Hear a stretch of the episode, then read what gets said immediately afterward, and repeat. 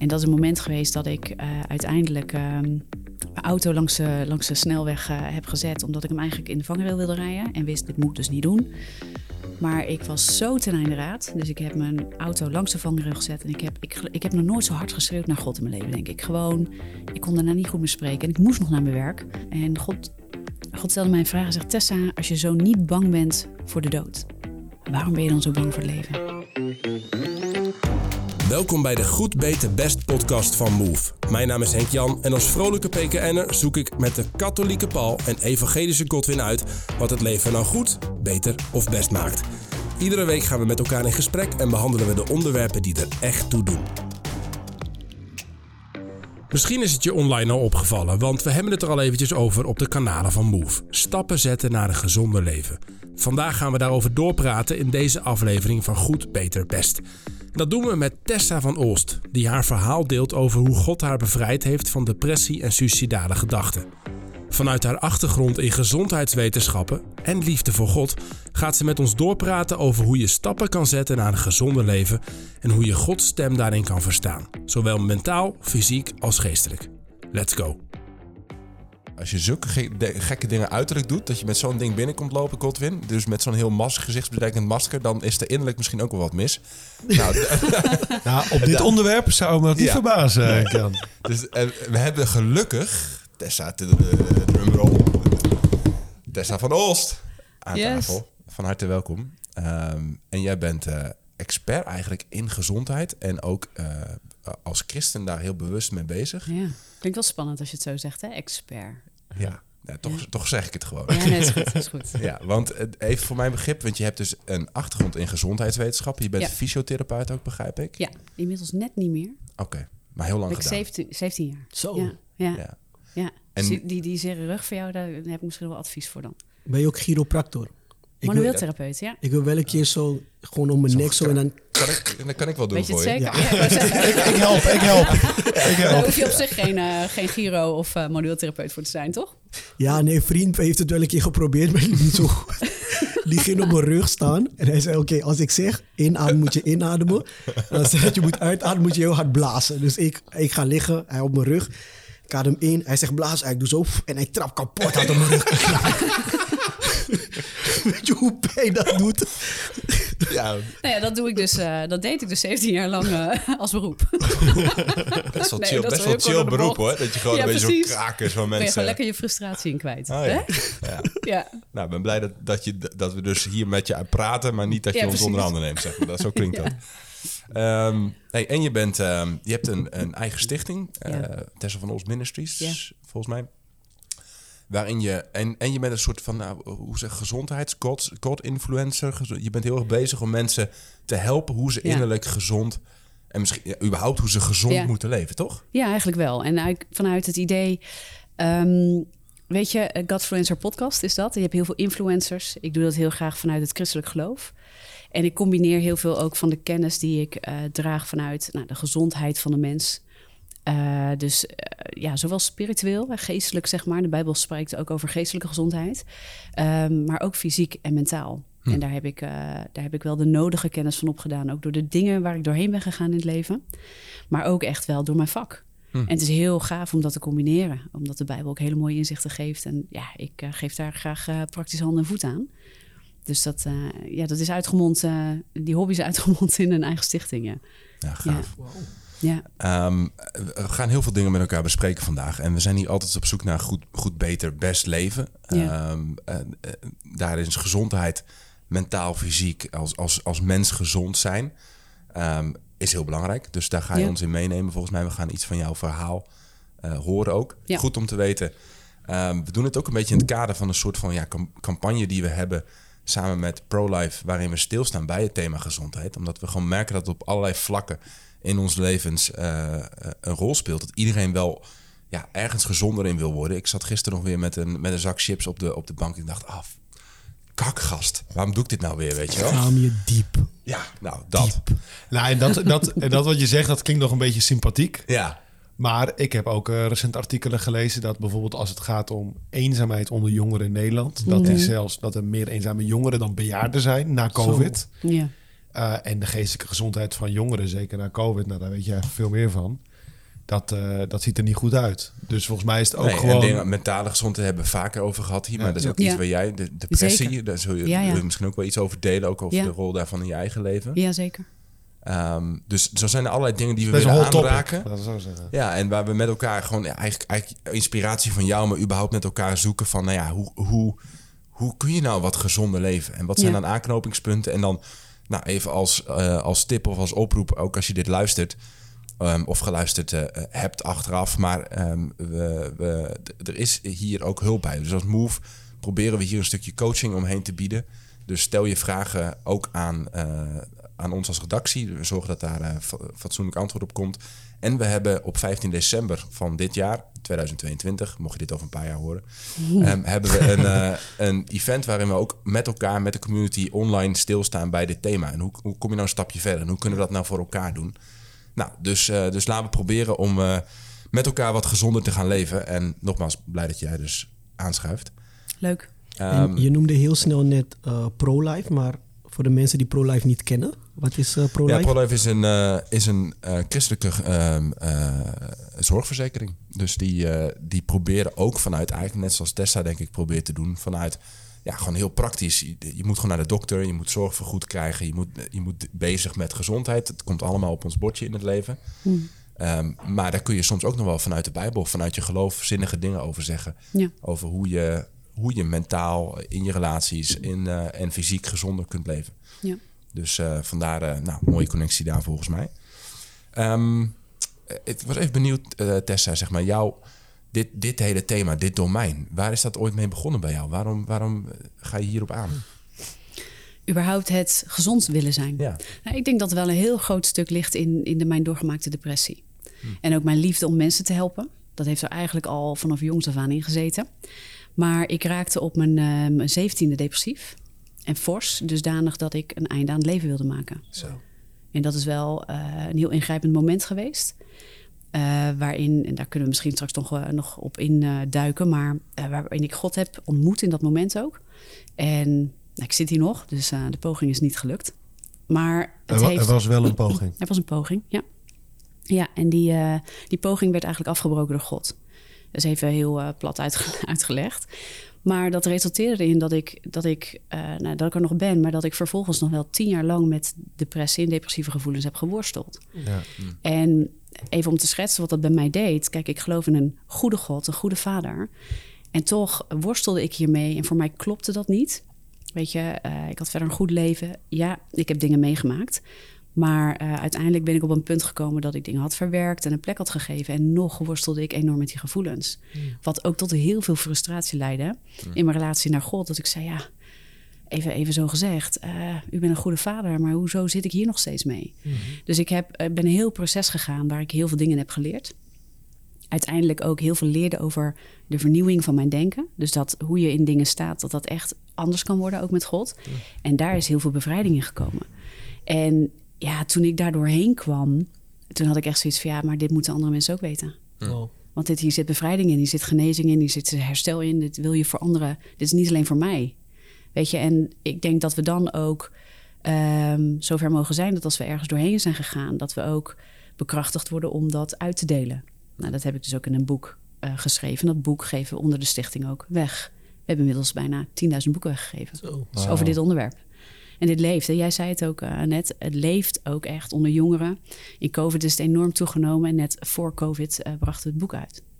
Oh, dus de timing. Ja, of in, co- in COVID, sorry, in COVID brachten we het boek uit, maar aan het begin van COVID, zeg maar. Ja. Dus ehm, ja, er is ook wel heel veel gebeurd, zeg maar. Ja, Goh. Ehm, misschien goed om, want ehm, nou, dit geeft al een heel mooi aanzetje, denk ik, voor waar we het over gaan hebben. En, ehm, en ook wat je daarin zegt van hey, die transformatie van je denken, wat God daar voor rol in heeft gespeeld. Ook de ruimte die er mag zijn voor de worsteling, daar wil ik ook Ja. echt bij stilstaan nog later.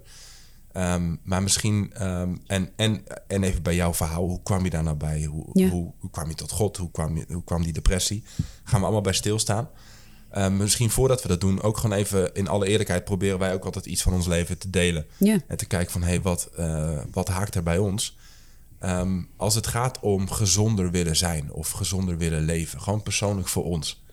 Wat, wat, waar, ehm, waar heb je behoefte aan? Waar loop, waar- en waar loop je ook tegenaan misschien? Nou, ik, ik, ben er, ik ben er een beetje mee bezig op een, op een heel specifiek gebied. Ehm, ik, als het gaat om lichamelijke gezondheid... eh, nou, ik ben enig, enigszins gezond. Eh, ik heb mijn slechte gewoontes. Eh, Ja, joh? eh, Roken. Roken, drinken, ja, de maar kroeg in. Alles is de kroeg voor deze Kerken, jongens. kerken, kroegen, die katholieken. Ja. Lekker man. Nee, maar, maar alcohol is gewoon echt wel met maat hoor. Ik, ben, ik word nooit dronken bijvoorbeeld. Maar ik hou wel van een lekker biertje van whisky. Ja, dat zou ik, ik niet ontkennen. En, ehm, maar ik probeer ook wekelijks te sporten. En eh, elke dag een, een wandeling maken. Genoeg eh, vitamine D ontvangen. Dat soort zaken. Ehm, ik, eh, ook vanwege familieachtergrond. Ik ben niet depressief. Maar ik heb wel het idee dat ik er aanleg voor heb. Eh, wel meerdere familieleden die echt eh, ook zware vormen van depressie hebben of hebben gehad. Dus ik ben er ook bewust van. En daar probeer ik ook, zonder te dramatiseren, iets meer op te letten. Ehm, maar wat ik juist ook waarmee mee bezig ben, is ook die verhouding tussen, eh, om het even zo te zeggen, het hart, het geloof en het lichaam. En hoe die elkaar beïnvloeden. En ik probeer de laatste tijd ook vaker te kijken naar bepaalde copingmechanisms die ik heb. Hoe ik deal met situaties, hoe ik reageer op dingen. Zowel eh, bijvoorbeeld één dingetje. ehm, blijkbaar toen ik geboren werd, toen bleef de navelstreng van me hangen. En ik verstikte bijna. Nou, toen hebben ze dat gewoon eh, opgelost en ik ben goed geboren. Maar dat heeft wel blijkbaar gezorgd voor ook in, in, in mijn brein voor een gebrek aan een bepaald stofje en een bepaald trauma. Waardoor ik ook in mijn kindertijd veel last heb gehad van eh, heel eh, heftige nachtmerries soms. En ook van anxiety. Daar is niet een goed woord voor in het Nederlands volgens mij. Ja, Angststoornis, eh. ja, ik weet niet. Anxiety is meer toch een soort hyperstressmoment, Ja, zeg ja, maar. precies. Ja. Nou, dus daar op ik ben ook naar een kinderpsycholoog gegaan en dat is gewoon heel goed gegaan. Ook eerder naar een psychiater, kinderpsycholoog. En op een gegeven moment zei de kinderpsycholoog in mijn tiende tijd van... nou Paul, je bent gewoon genezen. In de zin, je kan gewoon normaal, je, hoeft geen, je hebt geen therapie nodig. Dus dat is heel mooi. Ik merk nog wel dat ik van die neigingen heb. En wat ik juist de laatste tijd ook eh, dus meer mee bezig ben... is dus iets meer te onderzoeken van hoe die dingen in het verleden... hoe die patroon, hoe die copingmechanismen werken... En hoe ik daar beter mee kan dealen. En hoe ik ook dus op die manier ook meer harmonie kan creëren. Kun je nog eens een voorbeeld geven van zo'n copingmechanisme dan? Ehm, ja, ja. Ehm, sommige wel, andere zijn iets te intiem om te delen. Eh, want sommige dingen, ja, die, Nee, is die- prima. Ja. dat is. eh, maar bijvoorbeeld, nou, als het bijvoorbeeld gaat om die anxiety, als ik geen controle heb over bepaalde situaties, ehm, dan, dan kan ik me helemaal over opwinden in mijn hoofd en heel gestrest. En dan heb ik ook altijd van, ik moet het doen en ik moet het nu doen. Huh. Hè, en dan dat heel sterke gevoel. En dat zorgt ook weer voor dat ik op andere vlakken eh, minder focus heb. Vaak ook veel meer verstrooid raak. Maar ook dat ik brusker kan reageren op anderen. Eh, dus dat is bijvoorbeeld één zo'n ding. Een ander ding heeft ook meer gewoon te maken met zelfperceptie. eh, en eh, dat ik altijd moet verbeteren. Ik moet verantwoordelijk zijn. ik moet harder werken. Als ik ergens in faal, dan ook heel sterk het gevoel van... Paul, hè, hoe kan jou dit nou gebeuren? Ehm, eh, dus dit soort reacties. En daar ben ik nog echt in een zoektocht van... ja, waar komt dat vandaan? En hoe, hoe, hoe kan ik daarmee harmonie in creëren? Op een betere manier naar mezelf, naar God en naar anderen te reageren. Dus het is eh, meer dan sec gezondheid. Eh, ik kijk het wel heel breed en naar al die verbindingen. En daar ben ik wel mee bezig, ja. Maar ik moet ook zeggen, ik, ben, eh, ik voel me heel gezegend. Gewoon met, als ik gewoon kijk naar mijn leven en naar mijn gezondheid in het algemeen. Zowel geestelijk als psychologisch als lichamelijk. Van ja, ik wil niet zeggen dat dit... Ja, nee, ik voel me gewoon heel gezegend. En dat, dat moet ik ook gewoon zeggen. Nou, dat is ook wel mooi om te horen. Zeker, Ja. dus d- die beide, volgens mij in het leven moet je altijd ruimte houden voor en de dankbaarheid en de zegen. En tegelijkertijd ook gewoon eerlijk zijn over de dingen waar je nog mee worstelt. Dus, eh, Ja. dus thanks daarvoor. Ja. Eh, Godwin, jij? Ja, goede vraag. Ik ben eigenlijk sinds mijn huwelijk een beetje bezig met, eh, met de topic gezond. En voornamelijk ehm, ja, mentaal gezond, geestelijk gezond. Ehm, lichamelijk gezond maak ik me eigenlijk niet zo druk. Ik eet eh, rijst en kip en ik ben er vol van overtuigd dat dat de beste dieet is die op aarde bestaat. Hij, hij, even voor de, even tussen- hij eet dus geen groente. Nooit. Het, het, al 29 jaar gaat het goed. Dus. Die wou, die wou was niet met... Jij wou! Die was... Wow, gast. Ja, dit is echt wat- niet oké. nee, het was die wal van, oh my god, heb je mijn hele leven Je groente gegeten weet, je weet na je dertigste veranderen de dingen en zo. Dat hè? zeggen ze allemaal, ja. oké. Maar ik denk dat misschien de eerste persoon op aarde wordt waar wetenschappelijk onderzocht wordt dat ik... eh, Je moet je uitdagingen houden. precies. Dus. Ehm, dus ik maak me lichamelijk eigenlijk niet zo druk. Al ehm, maken de mensen om me heen zich soms wel wat druk wat dat betreft. Ehm, voor de rest, ja, ik ben eigenlijk... Kijk, de achtergrond waar ik vandaan kom... had je niet mensen die dachten van... oh, die heeft een, een, een geestelijke... ehm, ehm, of een psychische iets... of er is wat aan de hand met die persoon. Je was gewoon gek. Als, je- als je niet zo dacht als ons... of als er wat was... als- het was altijd diegene is gek. Dus Ja. ik moest op een gegeven moment gaan leren... dat ehm, je kan gewoon een gezond persoon zijn... maar nog steeds geestelijk dealen... of een, ehm, met bepaalde topics. En Ja. er zullen bepaalde dingen zijn die je triggeren Mhm. Ja, wist ik veel. Ik dacht iedereen was gek en alles was gek. En dat was het gewoon heel kort door de bocht. Behalve jij natuurlijk. Ja, behalve ik. Ja. Dus, dus sorry als ik het goed begrepen heb. Als je merkt dat iemand bijvoorbeeld heel gespannen, euforisch of depressief of wat dan ook reageerde, Dan was je gewoon gek. dan dacht jij van, nou die persoon is gewoon gek en die moet gewoon normaal doen. Dat is wat je Ja, bedoelt. precies. Wauw. Want dat is Ja. ook hoe ik een beetje ben opgevoed. Ehm, je moest gewoon normaal doen, inderdaad. En op een gegeven moment eh, trouwde ik. En toen merkte ik dat ik heel lang en nog steeds gewoon boos kan zijn. En ik wist niet waar dat vandaan kwam. Ik wist niet waar het vandaan kwam. Ik wist niet hoe. Maar ik kon heel lang boos zijn. En die boosheid komt ergens vandaan. Ja. Ik ben tot de dag van vandaag op zoek naar waar komt het vandaan. Ehm, ik had bijvoorbeeld... eh, als ik ruzie heb met mijn vrouw of een oneenigheid, dan kies ik ervoor om stil te zijn. En ik ben altijd stil, omdat vroeger in huis gingen wij vechten als we boos waren. En degene die dan won, die was degene die eh, mocht kiezen wat er gebeurde. Of het nou was wat we gingen kijken, of het nou was dat we naar buiten gingen, whatever het was. Even Godwin, sorry, even een voetnoot. Het gaat met zijn, met zijn twee oudere broers. En dat gaat ook een beetje om stoeien. Het is niet dat er huiselijk geweld plaatsvond, nee, toch? klopt, klopt. al al het soms een beetje, maar... Ik bedoel, dat is toch even belangrijke voetnoot. Goed om te Nee. noemen. Ja. We gingen gewoon... We met zijn vader aan het vechten of zo. Nee, Eén nee, dat is- daarvan is Don Zede. Dus voordat Don zeg maar in de Tweede Kamer in, eh in Een onderzoek, komt. eh. Ja, ja. Nee, nee, we, Nee, gingen dan gewoon ja, niet jou. vechten om de afstandsbediening. Of, maar we gingen nooit dan daarna met elkaar zitten en zeggen... Goh, ehm, hoe voel jij je erbij? Wat is er gebeurd? Wat gebeurde er met jou? Nee, als we daarna weer de kamer in kwamen... keken we elkaar aan, gingen we lachen en dan was het ook voorbij. Ja. Dus we hadden nooit momenten om over dingen te praten... waardoor ik ook nooit heb geleerd... Hey, als ik boos ben, dan moet ik me ventileren. Ik moet erover praten. Het doet iets goed voor mijn hart. Dat leer ik nu ik getrouwd ben... Maar het neemt wel een hele lange adem voor mijn vrouw om dat daarmee te leren Maar bij jou is het dus ook eh, een, dus een stukje men, men- ja, mentale gezondheid, zou, zou je kunnen zeggen. En misschien is het bijna tussen, maar in ieder geval hoe je, hoe je reageert op bepaalde Ja. dingen. Ik weet niet of dat helemaal ook, ook eh, in dezelfde verhouding is als bijvoorbeeld mensen die worstelen met depressiviteit of een, of een persoonlijkheidsstoornis of eh, al dat soort zaken. Nee, maar of, meer of wel met- dat dingen Ja. van ergens komen. Ja. En als je kan uitzoeken waar het vandaan komt, dan zal je heel vaak er wat aan kunnen doen. Ja. En Ja. ik denk, als ik niet uitzoek waar het vandaan komt, dan kan het uitvloeien wel tot echt een hele mentale issue. Ja. Omdat ik dan gewoon in de kern vastzit ergens en totaal niet weet waar het vandaan komt. En op een gegeven moment krijgt het allemaal worteltjes en een van die wortelen kan, kan zo'n mentale gezondheidsprobleem zijn. Ja. Is dat ook hoe jij dat ziet? Even, ik zal zo zelf nog eens delen, maar eh, men- eh, gezond is ook een heel breed begrip. Heel zeg breed maar. begrip. Als je dit zo hoort, zeg maar, je, ge- je gedrag, wat je, je, je innerlijke leven ook, dingen die je daarin wil veranderen of waar je tegenaan loopt, Ja. neem je dat ook mee als je het hebt over innerlijk gezond zijn? Ja, ja, ja. Weet je, en dat is ook als, we, als ik het benader vanuit therapeut zijn. Kijk, je hebt mensen die komen met een defect, om het zo maar te zeggen. Met iets wat afwijkt, wat hen in de weg zit. Maar eh, wat- jij dus net zei ook, van joh, het zit, ik heb eigenlijk niet zoveel wat in de weg zit. Er zijn alleen dingen die beter kunnen. Dat is ook nog een ding. En eh, daarom zie je tegenwoordig ook veel meer coaches. Ja. Voor mensen die voelen, ik wil wat ontwikkelen, ik wil ergens mee verder. Ik merk dat ik, nou ja, weet je, ik ben wel oké, maar het, het kan beter. En ehm, dat is toch een andere, ander proces dan counseling. Hè, of een psycholoog of een psychiater. En ik geloof dat daar echt wel verschillen in zitten. En dat maakt ook dat, ehm, en we hebben het vaak over gedragsverandering, of hè, ik, ik wil dat er iets verandert en het moet ook echt van binnenuit komen. Want ik kan tegen jou zeggen, joh, ik zie iets bij en ik denk dat je dat moet veranderen. Maar als ik dat niet ga ervaren, dan komt er niks in beweging. Nee.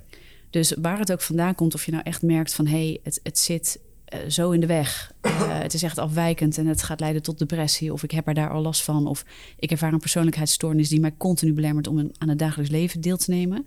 Tot aan, hé, hey, ik wil gewoon eh, sterker worden in mijn spieren. Dus allemaal vormen van gezonder willen Eigenlijk, zijn. ja. Ja. ja. En de ene vraag komt uit niet gezond zijn. Hè, want daar dan, als iets gezond is, wat is dan niet gezond?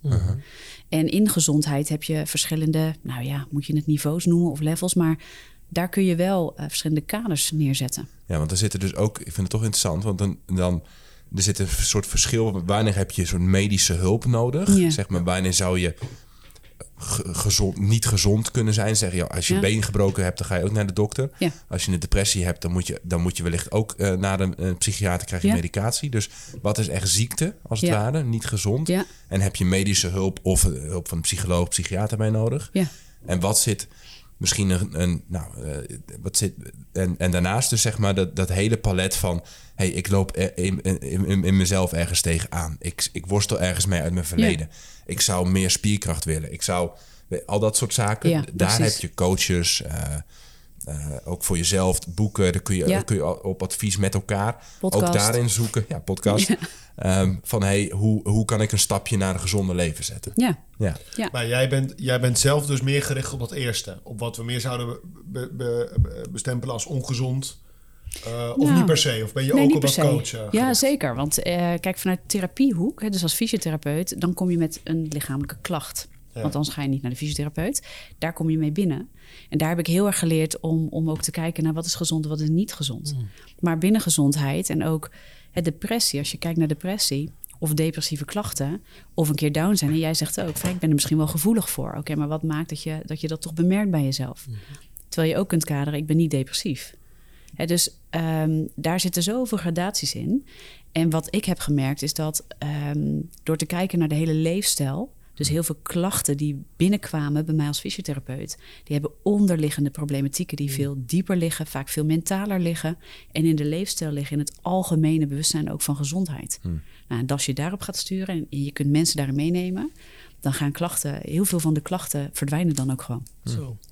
Ja. Nou, ehm, willen we meer over weten. Maar weet dus, denk ik, als je dit luistert, hè, goed, beter, best. Ja, soms heb je gewoon echt te maken met ziekte of iets wat niet gezond is, waar je hulp bij nodig hebt. Ja. Dat, is- dat is ook prima. Daar is een zorgverzekeraar ook voor. Daar, daar kun je ook voor naar eh, professionals. Maar überhaupt, eh, ja, de wens, eh, als je die bij jezelf bemerkt van hey, iets gezonder willen leven, dan is het goed om daar ook nou ja, mee aan de slag te gaan. Te kijken hoe je daarin kunt groeien. Daar zijn Ja. wegen voor. Zeker. Ja. Nog even, even kort over mezelf om het af te maken dan, ehm, in alle eerlijkheid. Eh, bij mij is eh, gewicht toch wel een klein dingetje. Ehm, ik, zou wel, eh, ik zou wel 10 kilo lichter willen zijn, denk ik. Dus ik, op zich, ik ben nog steeds een knappe gast. Zeker. Ik, heb, en ik, heb, ik heb een mooie vrouw en een, en een, en een fijn leven. Dus eh, ik red me wel. Maar ja, er, er, zit, een er, zit, een, er zit een buikje op. eh, klei- iets groter dan die van Paul in ieder geval. en eh, God- Godwin eh, moet, ook wel gaan, moet ook wel gaan opletten. Ja. Moet, je, moet je niet het Godwin-dieet gaan volgen om die 10 kilo af te vallen? Nee, dat is, nee, dat, dat, daar daar krijg ik dan weer eh, geen hemelpunten voor. Want dan zit die, zit die, die kip op te eten de hele tijd. Dus, eh, als vegetariër. Nee, dus, dus ehm, eh, dat. En dat is ook wel iets wat, wat er mijn hele leven al een beetje op zo'n niveau zit. Ik denk, ja, wel, ik, ben, ik ben al eens 20 kilo minder zwaar geweest. Maar, nou, dus dat. Ehm, ook wel een beetje soms vermoeidheid. Wat dingen gehad rondom ademhaling. eh, Ehm, ik heb eh, laatst astma geconstateerd. Nou, daar heb ik nu wat, eh, wat puffjes en dingen voor. Dus en wel een soort van, hey, toch, toch elke keer een soort verlangen naar een levensstijl die me meer energie oplevert, die gezonder is. Meer bewegen, ehm, eh, beter slapen, eh, dat. En, en tegelijkertijd toch nog een soort van oude patroontjes soms vallen van, nou, eh, inderdaad weer met een zak chips op de bank of... ja, gewoon net, net niet, ja, toch een beetje Paul, Paulusiaans van doen wat je niet wil en, en, en wel doen wat je haat, zeg maar. Ja, dat. Dat, Mhm. die is wel, je, Ja. zit, je zit te knikken. Ja. Eh, eh, Heb, je zelf eigenlijk? Ja, ik je- wil nog steeds vaker vroeg naar bed, maar dat doe ik niet. Ah, ja. ja. Ja. ja. En dan elke avond om is ook 11 zo'n uur, ding. 11 uur denk je, toch, nee. Nee, nog even dit en nog even dat. En, eh, en dan word ik 's ochtends wakker en denk ik, waarom doe je jezelf dit nou aan? Ja. Waarom? Ja. En je weet hoe het werkt. Ja. Je hebt zoveel mensen begeleid in leefstijl. Ja. Het voelt nog als nog harder falen. ja, maar Ja. jij weet het. Jij ja, kent ik de weet het boekjes. ook nog heel Ja. erg. Ja, ik weet het uit de boekjes. Ik weet hoe het werkt en hoe het in je brein werkt. Het is gewoon dramatisch als je En- dan beseft, goh. En waarom even toch eh, dan, waarom lukt het jou dan niet? Ja, gewoon eh, net Paulus. Ja. Weet je, mijn ouders, als ik een jongetje was geweest, dan hadden ze me ook Paul willen noemen. ik Oh, denk dat het daar joh, aan twee keer ligt. Paul Dat is het gewoon. Ja, ik vind dat heel herkenbaar wat ze zegt trouwens. Ja, zie. Dus, eh, dat, ik, dus ik geef mijn ouders de schuld. Oké, dat Ja. is altijd goed van alles. Je weet- je Altijd weet- buiten jezelf Je weet trouwens wat. Paulus betekent. Hè? Dat betekent van het woord Paulus. Dat komt van het Latijn. Dat is klein, komma, bescheiden. Dat vind ik ook wel bij me passen, toch? Zo. Zo, nou, dat is, niet, Ah, dat is niet helemaal gelukt. Nee. ja. Oké. ehm, Maar hey, bad habit dus. Ja, het Ja. gewoontes eh, kunnen enorm ingesleten zijn. Dat is misschien wel interessant om straks over te bomen. Ja. Ehm, eerst eens even naar jou nog weer, Tessa. Want eh, we zitten hier niet voor niks met jou. En je hebt een, een wonderlijk levensverhaal. Als ik het, als Mhm. ik het eh, even samenvat in eh, drie woorden of zo. Dat is wel, eh, ja. Ja. ehm, en dat, dat vraagt eh, om, om meer, denk ik. Ik- Even beginnend. Je, je bent geboren in een warm, niet-gelovig gezin. Dat In een heel warm en niet gelovig, op dat moment niet gelovig gezin. Oké. En, Ja. en ehm, eh, nu ben je lekker gelovig. Lekker gelovig. Ja. En, en het gezin waar ik uitkom ook. Oh, wauw. Ook. Ja, nou, ja. die, die Onlangs laatste heb ik eh, ik mijn ook zusje nog mogen dopen. Echt? Ja, ja dat is Zo. echt eh, tof. Ja. Zo, dus echt in zo'n... waar? In de kerk of ergens in... eh Gewoon in, in, in, in het water, ergens In het water. in, in- ja, buiten. ja, Ja. want dat, en, Niet dan, veel poespas. En dan gewoon in, in jouw armen zo hop Ja, achterover. ja, zoiets. Ja, Gaaf. ja. Ehm, ja dus, eh, en mijn ouders heb ik ook mogen dopen. Een aantal jaren geleden. Ja, dus dat is wel eh, heel... Dat is ook een bijzonder verhaal in, in zichzelf. ja. Maar ik ben dus niet gelovig opgevoed. En Wat was voor jou... Want daar zit een verhaal achter, dat heb ik Ja. begrepen. Maar vertel Ja. het vooral zelf. Wat, was, eh, wat gebeurde er waardoor jij tot geloof kwam? Nou, ik had vanaf hele jonge leeftijd al eh, een godsbesef, om het zo maar te zeggen. Dus ik was heel bewust. Eh, en ik heb eh, op de basisschool gezeten, openbare basisschool, dus geen christelijke school. Maar daar hoor je wel het verhaal van, van kerst en van Pasen. Ja. En Jezus was voor mij op de een of andere manier op hele jonge leeftijd al heel reëel, heel echt. Ik sprak ook, nou, of ik bad ook al tot, tot Jezus, tot God. En mijn ouders, die, die kunnen dat ook wel beamen. Die, die hebben altijd al ervaren van, ja, Tess, die was daar toch al anders mee bezig. En lang verhaal kort, eh, op mijn vijftiende eh, liep ik langs een water met vrienden. Eh, de Put heet dat, in Almkerk. Ik heb geen idee of mensen die zitten te luisteren... of die denken, oh ja, dat. Oh. Eh, het kan, kan nooit heel erg bekend zijn, maar misschien vanaf nu. Ehm, eh, natuurwater en daar liepen wij en ik hoorde een stem. Hm. die sprak, Tessa, spring in het water en ik zal je dopen met mijn heilige geest en vuur. Zo. Dus ik ben van de steiger afgerend daar en ik ben gesprongen. En Met, ik kleding, heb, met kleding en al. ja, ja, ik heb het ook nog later geverifieerd. ik, heb het in mijn boek ook opgeschreven. Ja. En ik heb het met een eh, vriendin die daarbij was ook geverifieerd later. Ehm, ik zeg, joh, ik heb dit opgeschreven, maar klopt het echt zoals ik het beleefd heb? Ja. Want ik heb het ook geprobeerd uit te, uit te leggen aan vrienden, maar die dachten echt, Tess is gek geworden. Over gek gesproken. Nou, die dachten echt. Tess doet nooit zulke dingen. Ik was echt zo'n braaf meisje wel. Maar ik deed in één keer gewoon iets raars. En ik probeerde daar ook nog iets aan uit te leggen. Nou, die dachten echt, eh she lost it. Ja, Ja. laat me lopen. Hey, dat was mijn, eh, dat was mijn echt intense een, ste- ervaring. een stem die je fysiek Buiten, hoorde? ja. Of, of, Buiten, buiten hè, Wauw. zoals ik jou of jullie Ja. nu hoor praten, zo, op die manier. en die zei, Ja. spring nu in het water, Tess, en ik zal je dopen. Met heilige geest en vuur. Ja. En het was, zo, het was zo reëel, zo overweldigend... dat je niets anders kon dan... dan Ik, heb gelijk, ik ben gelijk gaan rennen. En had je wel eerder ooit gehoord over de Heilige Geest? Wist je over... Nee. Dus dat, wauw. Nee. Zo. Nee, dus ik had echt wel natuurlijk van de Bijbel gehoord, van Jezus gehoord en het kerstverhaal en Pasen. Maar dat was het eigenlijk wel. En ik kwam niet in een kerk en het was een openbare eh, basisschool. En ik was inmiddels wel naar een christelijke school, dus ik had wel iets meer gehoord. Maar niet over de Heilige Geest. Zo. Nee, dus het was voor mij en ook niet over, want dit wordt letterlijk ehm, ook door Johannes de Doper als Ja. gezegd, hè? Ja, dat Jezus komt om je te dopen met de Heilige Geest en vuur. Maar dat wist ik niet. Ik kende die teksten niet. Ik las, las ook niet in de Bijbel toen al zelf op die manier of wat dan ook. Nee. Ja, Nou, het, het- we hebben eerder een aflevering gemaakt waarin we ook iets delen over onze geestelijke ervaring, zeg maar, en hoe wezenlijk dat is, zeg maar, als, als mens om vaak een leven met God te gaan bewandelen. Ja. Daar, daar kwamen ook een paar bijzondere voorbeelden uit onze levens voorbij. Maar Paul, jij zit hier ook, ik, jij gaat altijd een beetje glimmen als je dit soort verhalen hoort, vind ik.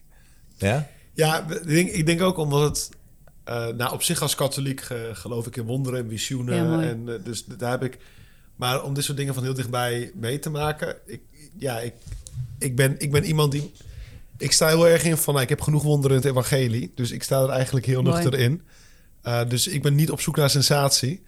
Maar als je dit verhaal dan hoort... Ja, dat is toch weer van... Jeetje. Ja. Het, het valt echt ook een beetje buiten mijn belevingswereld. En dat vind ik ook wel schitterend, ja. Ja. Dus eh, ik, ik vind dat heel mooi. Ah, tof. Ja, Ja. absoluut. Hey, en van daaruit, ja, dan ben je opeens gelovig, zeg maar. Of je was al soort een soort van ja. gelovig, maar dan Ja. opeens ben je gedoopt. En, Ja, en hoe, al. hoe ging dat verder? Bijvoorbeeld, klopt die aan bij een kerk? Of ben je gewoon eh, meer zo'n gelovige cowboy geworden? Of cow, cowgirl? Ja, of? ja, ja, nou ja, goed. Ik heb nog paard gereden vroeger ook als cowgirl. dus echt serieus. Ja, dat is wel, eh, past wel leuk erbij.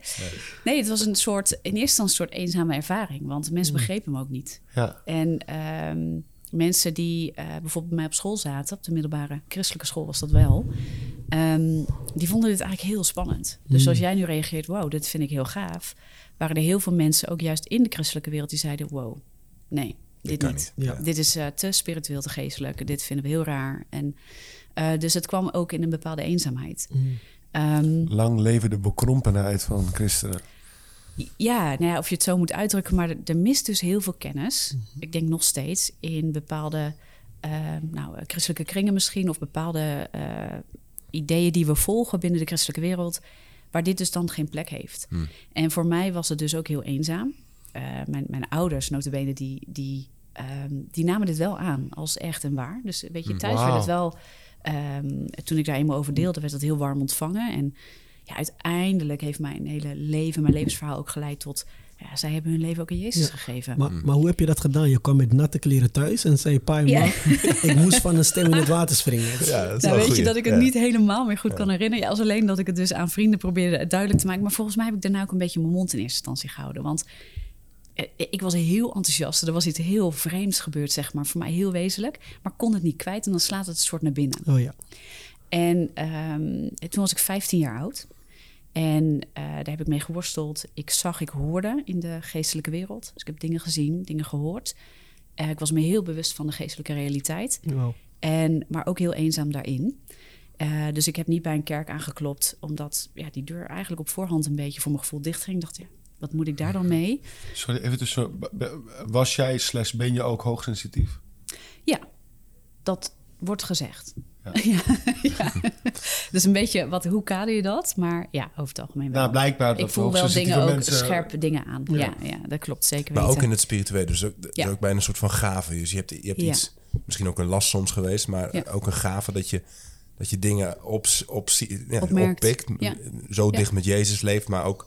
Nou, wat zag je dan eigenlijk bijvoorbeeld? Nou, ik heb wel, ehm, dat is even heel, eh, voor, voor mensen misschien heftig om te horen, maar engelen en demonen gezien. Zo. Hè, dus eh, geestelijke wezens. Ja. Ik, ik heb toevallig recent weer een verhaal, echt een dossier uitvoerig bestudeerd van een jonge dame die hetzelfde heeft meegemaakt. Ook eh, bezetenheid, maar ook heel veel mooie godsvruchtige ervaringen. Eh, en dan bleek ook uit het dossier dat het een zeer hoogsensitieve en ja, buitengewoon hoogsensitieve persoon was. Dus ik zag ook dat en ik heb het ook meer verhaal. Dus ik zag daar een bepaald patroon in. Ja. Ja. Gewoon bijzonder. Ja. Ja, het wordt ook wel vaker in, eh, met elkaar in verband gelegd. En ik weet niet of dat eh, op alle vlakken kan, zeg maar. Maar, eh, want hoogsensitiviteit wordt veel meer tegenwoordig ehm, gekaderd als een, een, een persoonlijkheidskenmerk, een karaktereigenschap, Ja. zeg maar.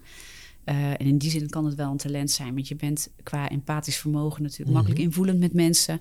Dus je kan mensen makkelijk begrijpen, maar dus ook heel erg die gevoelens overnemen. Hè. Dat is natuurlijk ook wel een ding.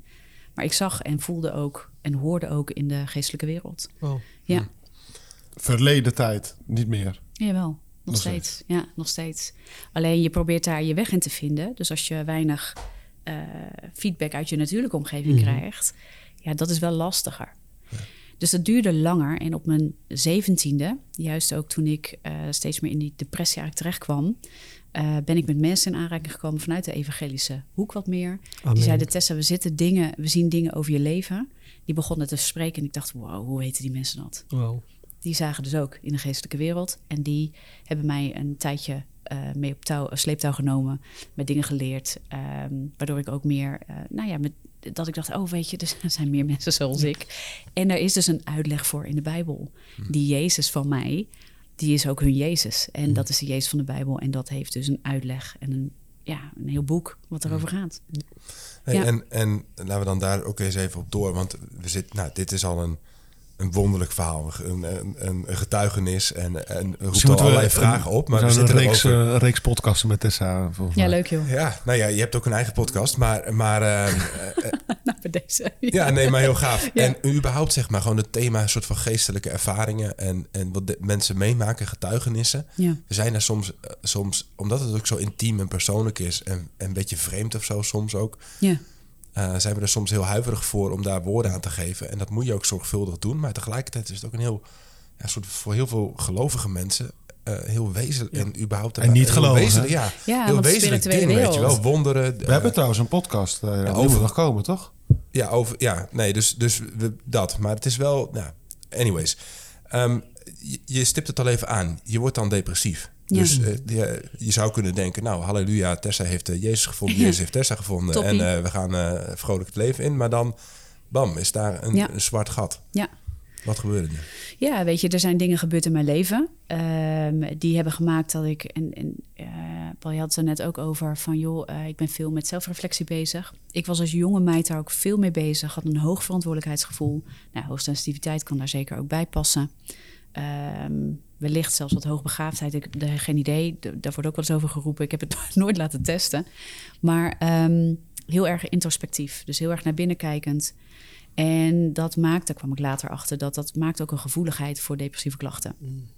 Maar er zijn ook dingen gebeurd, eh, waaronder misbruik, eh, wat ik meemaakte, waardoor je toch gekleurd wordt, getekend wordt eh, op jonge leeftijd. En dat maakte gewoon dat het naar binnen klapte bij mij. En dat ik, ik vond de, de wereld heftig. Weet je, ik vond het moeilijk en ingewikkeld en zwaar. En, ehm, en het moeilijke daarvan was, ik was me heel bewust van het feit dat ik uit een heel warm, mooi gezin kom. Dat ik eh, alle mogelijkheden heb in deze wereld. Eh, ik kon studeren. Ik kreeg mijn, ouders die stimuleerden gewoon. Wat, ga, ga doen wat je wil doen. Weet je, daar waren geen belemmeringen. Dus ik kwam heel erg in een soort schuldgevoel dat ik me zo rot voelde. Ehm, terwijl ik vond dat ik daar geen recht op had. Eh, ondanks dat er misschien dingen zijn gebeurd, waardoor hè, ehm, ik me ook wel zo kon voelen. En dat maakte uiteindelijk dat ik dacht: ik wil naar huis. Ik wil naar, ik wil naar huis, naar God. Mm, maar weet je, weet je niet ook boos op God of Op teleurgesteld? dat moment, nee, op dat moment nog, nog niet. Dat kwam eigenlijk later toen ik ehm, op dat punt kwam dat ik een einde wilde maken aan mijn leven en hij ingreep. Toen, toen was ik in dat moment ook een soort van boos van ik wil naar huis en nu stopt dit. Hoezo? Oh, ja. Eh, en daarna voelde het alsof ik eh, jarenlang nog steeds op was gesloten met het monster depressie. Mm, En daar heb ik struggles mee gehad. En ik was me op dat moment ook wel echt wel bewust van de geestelijke wereld. Van hé, hey, er is God, maar er is ook een duivel, hè, of Ja. een duisternis. Die komt om te roven, te stelen en te vernietigen. Ehm, maar toch dacht ik, ja, maar God is toch groter? En waarom, waarom worstel ik hier zo mee? En in die tijd ging je wel al naar de kerk, was je al Nou. aangesloten, was je al... Ja, dat begon toen eigenlijk daarna. Dus eh, na die poging eh, kwam ik dus in die huisgemeente, zeg maar, of in die huiskring terecht. Die mij best wel eh, nou ja, veel hebben meegenomen, me dingen hebben geleerd. ehm, over wat ik ook ervaarde. Over het woord van God, of over, over de Heilige Geest ook. En uiteindelijk ehm, heb ik heel veel ups en downs gehad. Dus veel voor gebeden. En toch, weet je, dan ging het een tijdje beter. En dan klapte ik weer terug en ik dacht, hoe kan dit nou? Dit is toch niet normaal? Hey, Ja. en, en nog, want dan krijg je die depressie. En in je omgeving, mensen weten natuurlijk, althans sommige mensen weten ook van jouw bekering, van Ja. bijzondere dingen die je hebt meegemaakt. Ja. Gebeurt het ook dat mensen het ene met het andere gingen koppelen? Snap wat ik bedoel? Dat ze zeggen, ja, ik snap wel dat je depressief wordt eh, als je al die gekke dingen in je hoofd hebt. Ik, dus meer Ja, negatief. Ik snap, ja, ik snap je, ik snap je. Nou, dat viel mij nog wel mee. Ik denk omdat ik voorzichtig was tegen met wie ik dat deelde. Ehm, wat op een gegeven moment wel een ding is, is dat ehm, meerdere malen al jong in mijn leven is gezegd: hé, er ligt een roeping op je leven, er ligt iets op je leven. Ehm, je bent geroepen voor bepaalde dingen en dat mensen het hebben gekoppeld aan. eh, dus er is ook een aanval van de duisternis op jouw leven. En ik denk zelf achteraf gezien, want ik heb het heel vaak ehm, dat ik dacht, ja, dat klinkt leuk, maar kan er niks, kan er niks mee. Ja. Of het voelde alsof ik er niks mee kon, heel lang. En ik, ik ben veel meer gaan zoeken in wat is er met me gebeurd, waarom voel ik dit, Eh, moet ik iets veranderen, Ehm, wat kan er be- beter, goed, beter, best, hè, dat. Ehm, en heel veel naar mezelf van ik doe iets fout eh, of verkeerd of ik ga niet goed met dingen om. En dus ik legde het veel meer in het natuurlijke, waardoor misschien het geestelijke zelfs elke keer grip op mij had. Ehm, en a- achteraf denk ik, ja, de, misschien heeft er ook wel gewoon echt een deel op mijn roeping gelegen. Ja. Hè, waar God de dingen voor goed bedoelt, zal de duisternis altijd proberen je onderuit te halen. Alleen ik gaf de duisternis, denk ik, achteraf gezien ook veel te veel macht in mijn denken. wow. En, dat, en dat is een groot verschil. Hè? Dus ehm, ik denk dat we soms ook bang zijn om te praten over de duisternis, omdat wij denken dat de duisternis heel veel macht kan uitoefenen. Maar feitelijk, als je goed daarnaar kijkt, ook wat de Bijbel daarover schrijft en wat ik daarin heb mogen leren, Mhm. is dat hij geen macht heeft. Maar dat we hem wel macht kunnen verlenen in ons denken, in ons zijn. Nou, weet je, en daar, nou ja, daar kan je misschien nog wel tien podcasts over maken. Maar ja, En dan even samengevat. 17, je, je kreeg een depressie, je ging Ja. daarmee worstelen. ja, Eh, op een gegeven moment een zelfmoordpoging. ja, Waarbij God je daar eigenlijk uittrok. ja. Die, echt, een, echt een ingrijp van Tessa, dit gaat niet gebeuren. Ja, Ja. dat klopt. Dus eigenlijk dat moment wat ik ehm, net met jullie deelde over op mijn vijftiende, die hoorbare Ja. stem, die had ik op dat moment weer. Weer een Ah, ja. hoorbare stem. Zei- je kon wel herkennen dat Ja. het dezelfde stem was. Ja, Oh, en wauw. in dat moment, en dat is te gevoelig om daarop in te gaan, maar heeft diezelfde stem ook gesproken over een aantal toekomstige dingen in de nabije toekomst en iets verder in de toekomst. En hij zei, le- hij zei letterlijk, opdat je zult weten dat ik God ben die tot je gesproken heeft vandaag. Wauw. Zo. Ja, en dat was heel, heel intens. Dus, ehm, en maar dat kwam ook uit, hè? Dus eh, die dingen die, eh, die waren ook ter bevestiging. eh, om mij te laten weten, ik ben God en dit heb ik gesproken. Ja, Ja, mooi. dit- Ik heb dat wel eens eerder gedeeld in een vorige podcast. Maar ik heb twee keer een, een droom gehad van God in mijn leven. En ergens zijn dat ook voor mij, denk ik, punten geweest waarop God heel bewust heeft, heeft gezegd: Oké, nu, nu grijp ik je bij je kladden. En, en, en ik geef je iets mee waar je de rest van je leven op terug kan vallen. ja mooi, en heel mooi. blijkbaar ook dat hij op een, nou, soms eh, ja, een soort van kiest op welke manier hij tot mensen spreekt Ja. of zo. Dus Ja, bij ja. mij was dat op die manier. Bij jou is het dus letterlijk die stem, et cetera. Dat vind ik wel een gaaf patroon, ja. hey, maar even, eh, want, want eh, ehm, nou, dat gebeurt dan. Daar, daar haal je misschien ook houvast ergens weer, weer uit. Ja, zeker. Nou, het heeft wel, het heeft ook voorkomen dat ik die poging nog een keer wilde proberen. Want ik heb heel vaak, en dan, ik ben een temperamentvol dametje. Oh. Oh. Dus dan, eh, dan worstelde ik zo hard en dan, eh, dan was ik, eh, nou goed, hè, ik, ik bad ook eh, dat ook de duisternis aan de kant moest. En, maar daar was ik zo moe van.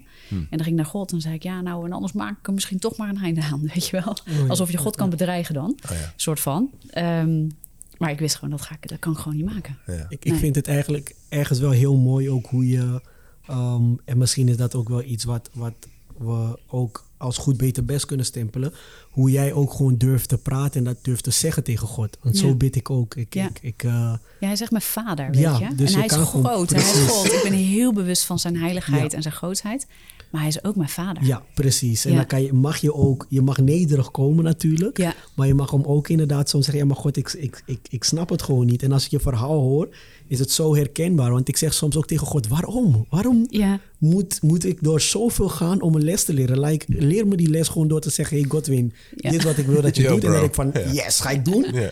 In plaats van dat ik door zoveel dingen heen moet gaan en dan achteraf zegt u, ik zei het toch wat ik je Ja. wil. I'm like, God, please. In, in, in, Ja, Spa- dat. in Spanje is trouwens ook heel normaal. Dat, dat doe ik zelf ook om te tutoyeren met God. Dat is in Nederlands volgens mij iets eh, minder eh, Ja, Ja. gebruikelijk. Ja. Maar als Jezus mijn vriend is, dan ook met alle respect. Et cetera, Ja, wat jij tuurlijk. zegt. Ja. tuurlijk. Was, het, was het trouwens Jacob in de Bijbel die vocht met God? Ja. Ja. ja, Ja, ja. Ja. En toen werd hij is ook je, je, mag, zij? Of- ja, je mag ook stoeien met God. Ja. Ja. Hè, af en toe. Als het even... Ja. Ik bedoel, dat... eh, Je gaat wel het mooi. krom lopen daarna, maar Ja, ja. Het, het is het wel waard.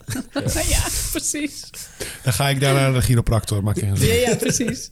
Hey, even terug naar die depressie. Want zelfs na dat moment keek je af en toe nog wel dat monster van depressie in, het- in Ja, het zeker. gezicht. Ja, zeker. Hoe zag dat er eigenlijk uit, die depressie bij jou?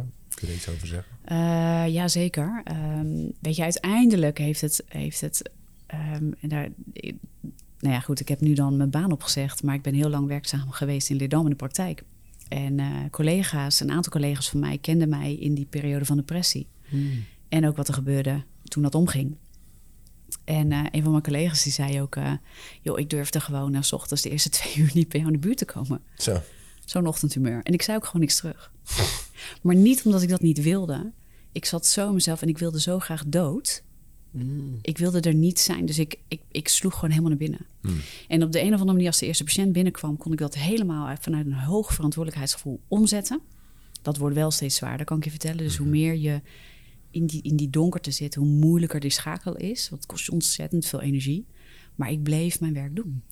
Hè, dus eh, het mondde echt uit in, in mezelf keren, eh, dood willen, ehm, het leven niet aandurven. Ik had heel veel angsten. Ehm, ja, daar worstelde ik echt wel mee. Zo. Ja. Hey, En toen was... Sorry, hoe oud was je toen? Ehm, nou, dat is eigenlijk vanaf mijn zeventiende tot mijn 8, 29ste heb ik daar wel mee geworsteld. En wat, wat ik ook bijzonder vind, is in die context... Dus je bent 17, ik weet niet of je toen eh HAVO of VWO deed... maar ja, je stond waarschijnlijk ook op het punt om school af te ronden. Ja, Eh, en je gaat fysiotherapie studeren. ja. Ik En, ben eerst nog biologie gaan doen. Dus ik heb na de HAVO heb ik ateneum gedaan. Ja. Daarna biologie. Dat heb ik drie jaar gedaan. En toen dacht ik, nou, ik wil toch gewoon met mensen werken. Dus ik heb even een omweg gemaakt. Eh, ja, Maar Dat- dus wat ik interessant vind, eh, is ten eerste, je bent een persoon die diepe, diepe spirituele ervaringen hebt gehad en nog steeds hebt. Eh, je bent een persoon die vrij extreme dingen heeft meegemaakt. En, en, je, en je gaat je opeens focussen op biologie, daarom de fysiotherapie, op zaken van het lichaam. Niet, niet dat het elkaar tegenspreekt, maar ik vind het ook niet heel soort natuurlijke keuze of zo. nee, nee, wat ik bedoel? Nee, ik snap je heel goed. Ik snap je heel goed. Ik zou misschien zou je zeggen, Leg uit. Ja, ja. waarom dat? heel temperamentvol. Ik ben- zoals ik ben nou, zeg het nou. Ik ben gelukkig niet de ICT ingegaan. Dan had het ook Oh, nog ja. gekund, denk ik. Ja, jawel. Had Ik zie, wel jou, ik zie jou al heel depressief met zo'n jos met zo'n Ja. snoorwerker. Ja. Ja. ja, wel de fascinatie denk ik voor... ehm, weet je, als je kijkt naar hoe ik opgegroeid ben... dat is lekker in, een- weet je, vrijstaand in de polder... eh, met natuurgebieden eromheen. Ik was heel graag buiten in de natuur. En ik had heel veel met de natuur, met dieren. Dus vandaar mijn link naar biologie. Ja. Ehm, en ook gewoon veel kennis opdoen, eh, leren, dingen uitpluizen. Ik ben, ik ben ook heel analytisch. Ehm, dus die relatie met hoe werken dingen vond ik heel interessant. Dus ik ben naast eh, heel spi- spiritueel ook heel praktisch. Zou je niet zeggen dat is, misschien, maar dat is, het is mooi, dat is een mooie eigenschap Ja, van heel echt- spiritueel. Ja, echt.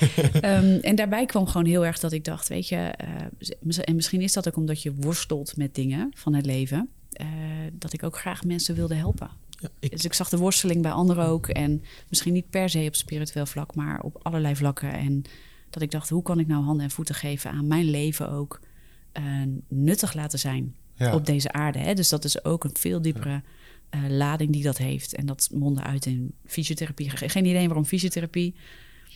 En geen psycholoog bijvoorbeeld. Ja. Want dat had ook nog gekund. Ja, want ik kan me ook Ja. voorstellen dat je ook een verbinding probeert te maken met die inzichten die je van God krijgt. Ja, Ook qua roeping, wat je zegt, en, en een weg die je wil begaan. En gewoon meer bijvoorbeeld je professionele bezigheden. Ja. Eh, dus dat vind ik wel intrigerend. ja, Dat- en verbinding blijven maken met het, met het aardse, denk ik ook wel. ja. Dus dat, dat ook wel. mag ja. ik een eh, vraagje stellen? Ik, ja, eh, dat weet ik niet hoor. Oh, ga, ik- ga ik het toch doen? Ja, het is heel, heel goed dat je God weer op zijn plek zet. Heel Nee. goed. Nee, krijg je... Nee, graag. Kom maar door. Ik heb tijdens een andere podcast had ik het ook gevraagd, want ik, ehm, ik heb het nooit zo ervaren, zo'n zo een, eh, depressie. Dus het zou kunnen vragen zijn waarvan je denkt van ja, goh, dat weet iedereen toch? Maar ik, ik ben er niet veel mee bezig geweest en heb het persoonlijk nooit zo ervaren. Maar je ging gewoon aan het werk. Je hebt verjaardagen gehad. Je hebt kerst gehad. Je hebt vieringen gehad. Was je dan elk moment dat je zoiets had, dat je dan wel die switch kon omzetten? En hoe zullen wij of kunnen wij dat misschien herkennen bij onszelf? Um, wat gevoel, wat voor gevoel, nou, wat voor gevoel moet je op zoek om te kijken van hé, hey, misschien is dat een woord of, van, um, of een zaad wat uit kan bloeien tot depressiviteit. Ja. Um, ja, hoe, en hoe kunnen we dat herkennen bij anderen? Want als ik op een feestje ben, ik zou je tegenkomen en ik vraag hoe gaat het? Je zegt het gaat goed. En je vertelt me dat je bezig bent met je opleiding fysiotherapie en dat dat goed gaat en dat je gewoon werkt. ja. Zou ik nooit denken van, die zit eraan te denken om een einde aan haar leven te maken. Ja. Nou ja, en hoe vaak horen we, en weet je, we hebben het ook over jonge mensen, veel jonge mensen die met eenzaamheid kampen. Er zit heel veel schaamte bij. En ik denk dat dat verbloemen we heel snel. Dus we gaan heel snel praten over hoe goed het op ons werk gaat en eh, hoe dingen lopen. Dus de doe dingen. Ik doe dit. Want als we vragen hoe is het met jou, dan gaan we heel vaak praten over wat we allemaal doen. Ja. Ja, druk. druk. En ja, weet je, dus. ehm, en dan gaan we er overheen. Of we gaan eh, de leuke dingen heel erg opleuken en vertellen. En dat wil niet zeggen dat iedereen een leuke verhaal houdt. eh, Dat je denkt, hm, zit er iets achter? Ja. Ehm, maar weet je, hoe vaak horen we ook niet dat iemand uit het leven is gestapt en niemand zag het aankomen? Ja, precies. Want jij was waarschijnlijk ook wel goed in maskers. Enorm, denk ik wel. Ja, en ik weet niet of ik bewust de maskers altijd heb opgezet, maar altijd dat ik dacht, ja, weet je, hoe ga ik, hoe, want het is heel moeilijk om zo even in een gesprek, weet je, als je bij een feestje staat, dit te gaan vertellen. Ja. En ook vanuit mijn ervaring, weet je, eh, ook over geestelijke zaken, dat mensen denken, hmm, Ja. Ja, maar überhaupt, ik vind het best wel knap. Wat, wat ik weet van depressiviteit, ik, ik ken het wel meer van dichtbij. dat je, dat je überhaupt naar je werk ging en naar feestjes en naar dingen. Want Ja, ik kan me voorstellen dat de, de, de, de verleiding om gewoon lekker thuis in je dekentjes en gewoon in een hoekje Ja. van de kamer te blijven. heb ik ook gehad. Hè. Die Ja. periodes heb, zijn er ook wel geweest. Maar met Alleen- lekker met mensen zijn is niet een kenmerk van Nee. depressieve mensen. Nee, nee, nee. En dat deed ik ehm, aan de ene kant... Weet je, als ik erg diep zat, deed ik dat ook gewoon niet graag. Weet je, dan Ja. ging ik wel excuses maken waarom ik niet naar het feestje ging. Of waarom ik niet meeging of geen tijd had of druk was. Of, ehm, nou ja, noem het op. Ik verstopte hem ook heel vaak in studie, in boeken. Oh, Ja. Weet je, mijn ouders die hadden een grote eetkamertafel en dat lag vol met studieboeken. Oh, heerlijk. Ja, maar die moesten ze ook niet weghalen, want dan had ik een error in mijn hoofd. dus dat, Dan komt het dat was- temperament. eh, ja, dat was mijn veiligheid, denk ik ook. Dus ergens was ik ook wel zo iemand die dook in de boeken. Heel erg. En die, dat is ook een, zo- een soort van verstoppen. Dus je, Ja. ja. Het is heel moeilijk, denk ik hoor, om het, om het zomaar in een gesprek te ontdekken.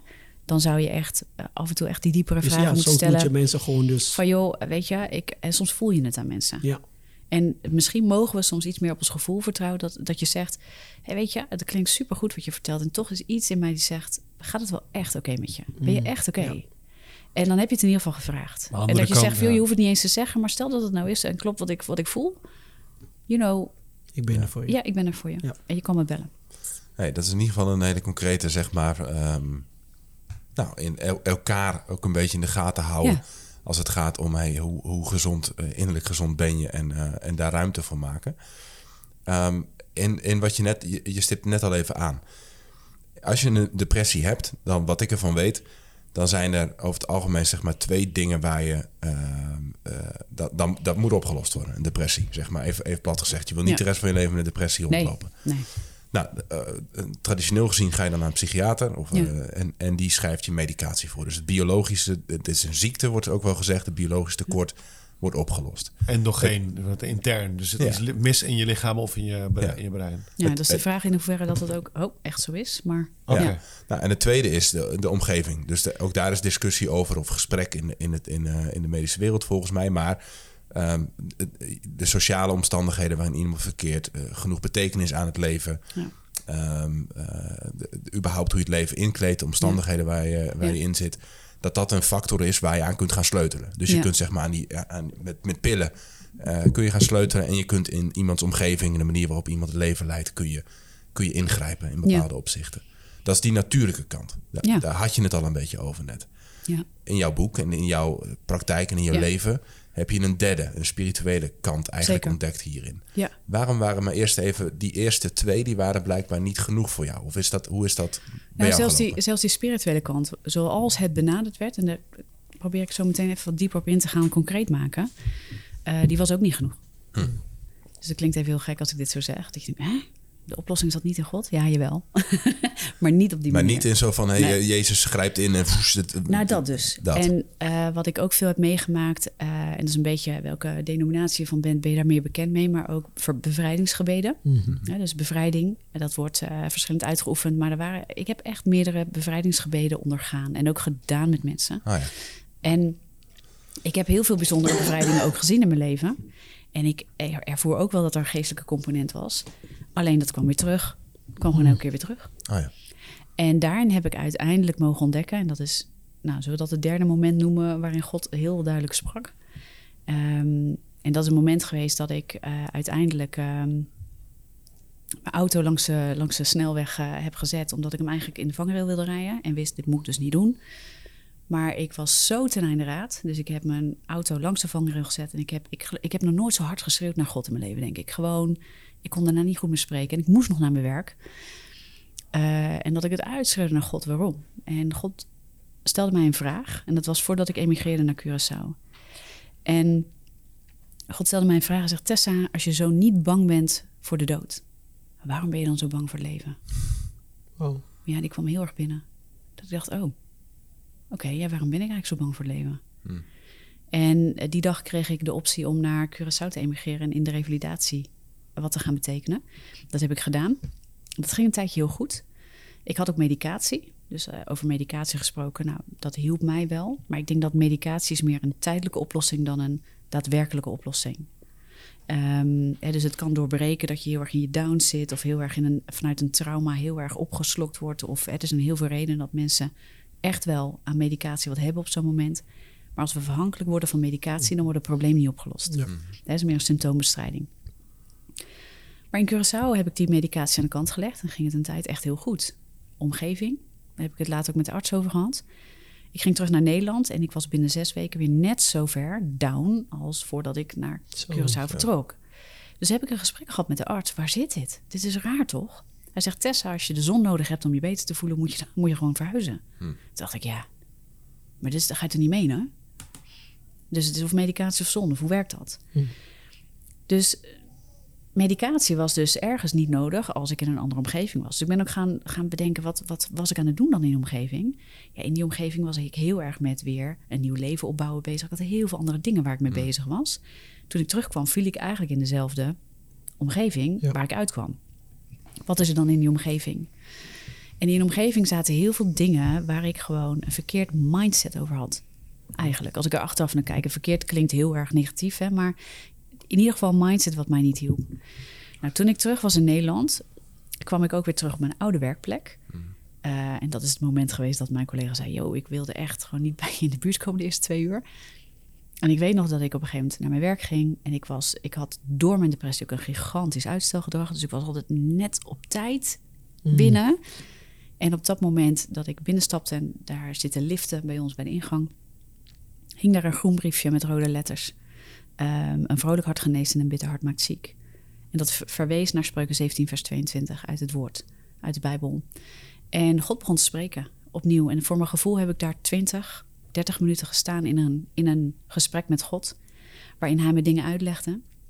En waarin hij zei: Tessa, zaggerijn is een zonde. En als je dat zo tegen iemand zegt, dan denk je, ja, het is echt, doe eens normaal. Ik mag toch wel eens een keer zagrijnig zijn.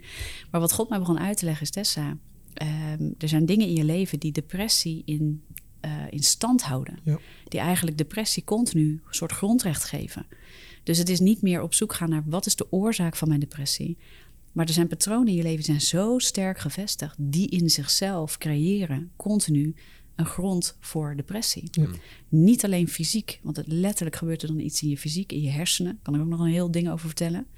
Ehm, maar ook geestelijk. En toen begon God over de vernieuwing van mijn denken, over Romeinen 12, vers 2. En dat het, dat het mogelijk is om met Hem vanuit de geest, vanuit een hartsrelatie met God, door Hem te volgen en te volgen wat Hij zegt, om volledig vrij te komen van dat soort dingen. Echt bevrijding te ervaren, maar niet alleen, hé, hey, ik word bevrijd van een geest, maar ik word bevrijd van een leugenachtig denken, wat zich zo gevestigd heeft in mijn leven, wat me vast is gaan houden, wat me in ketenen is gaan vastzetten, wat me naar de dood wil trekken, letterlijk, in mijn hele lijf, in mijn hele zijn en ook in mijn geestelijke wereld. En binnen zes weken, ik heb een aantal opdrachten gekregen van God. Binnen zes weken, ik heb dat gevolgd tegen al mijn gevoel in, was ik vrij van depressie en ik ben nooit meer daarin Wow. teruggevallen. Wow. Ik wil nooit zeggen dat ik niet eens een keer neig naar, of dat ik niet een rotdag heb, of dat ik denk, oh wacht, ah, ik heb weer zo'n week. Ja. Ehm, maar ik ben nooit meer daarin teruggevallen. Hey, en en wat, wat moest je doen? Wat waren die opdrachten dan? Ja, een van de, de leukste opdrachten. eh, Nou, in tegenstelling tot dat ik ochtends zeker niks wilde zeggen tegen iemand. God zei, je moet tegen ieder mens die je tegenkomt, van op de straat tot in de winkel, tot je patiënt, tot je collega's, je hoofd opheffen, glimlachen, naar ze kijken met mijn liefde. Ik heb hen lief. En je zegt ze gedag. En ik dacht, oh, maar ik, ik, ik, alles in mij wilde dat niet. Ik wilde het niet. Smiddags ging dat beter, maar ochtends zeker niet. Zo'n soort blij ei door de supermarkt. Ja, eh, hoe stom, ja. maar dat is toch nep? Ja, ja weet je, dat je het zo. Boer met en het voelt nep. Ja. En over maskers gesproken. Het voelde alsof ik een masker opdeed. Maar omdat God me liet zien... Maar Tessa, dit gaat het doorbreken. En, en dit is wat ik voor je heb. En er zit vrijheid in. Dit is niet alleen een masker opzetten... maar we moeten de gevoelens gaan doorbreken... waar je nu in vastgezet wordt. Was het toch een ander ding. En dat brak het gewoon los. En ik moest gaan hardlopen. En de derde weet ik niet heel goed meer. Er was nog iets. Maar gewoon ook zo simpel als hardlopen hoor je vaker. Ja? Maar gewoon, je had het, het setje van God zelf nodig. Ja. Plu- Plus, eh, ja, gewoon iets doorbreken door het maar Ja. te doen ook weer. Glimlachen. En op een gegeven moment zing je dat bijna in, als het ware. Nou ja, en de derde was natuurlijk, dat ging over dat zagrijn. Ik ging door de grond toen God dat zei. En God zei, ik zeg dat niet om je te verdoemen. Ik zeg dat om je vrij te krijgen. En ik bekeerde me daar eigenlijk van. En elke keer als ik dat voelde opkomen, dan ging ik ook naar God. Ik heb daar last van, maar ik verwerp het in Jezus' naam. En dat is eigenlijk die derde opdracht. En zo waren er nog wat kleine dingen. Die ik begon te doen, ook door het woord te lezen en mijn denken letterlijk te vernieuwen. Dit zijn waarheden van God. Ik voel het niet, maar ik neem het aan. En ik verwerp dat wat ik heb gebouwd in mijn leven op grond van wat God zegt. En wat God zegt is liefde voor mij. Dat is niet om mij in de keurslijf te drukken. Dat is om me in de vrijheid te krijgen, los te krijgen. En uit die greep van de dood te krijgen. Want dat was wat er aan de hand was. Weet je, weet je wat ik heel gaaf vind, Tessa? Eh, van wat je zegt. Want ik denk dat het ook wel, als we het hebben over goed, beter, best. Twee dingen die bij me opkomen van wat je vertelt. De eerste is, sommige mensen zeggen van ja, je moet gewoon jezelf zijn. Hmm. En dat is in het algemeen, bedoelen ze heel veel mooie en goede dingen mee. Jazeker. Maar als het gewoon betekent van hé, hey, ik ben zagrijnig of ik ben altijd negatief. En dan zeg je ja, je moet gewoon een keer zelf zijn. Ja. Nou, probeer eens gewoon even niet jezelf te zijn. Ja, en probeer even een masker op te zetten. Wat ervoor zorgt dat je meer op Jezus gaat lijken. Ja.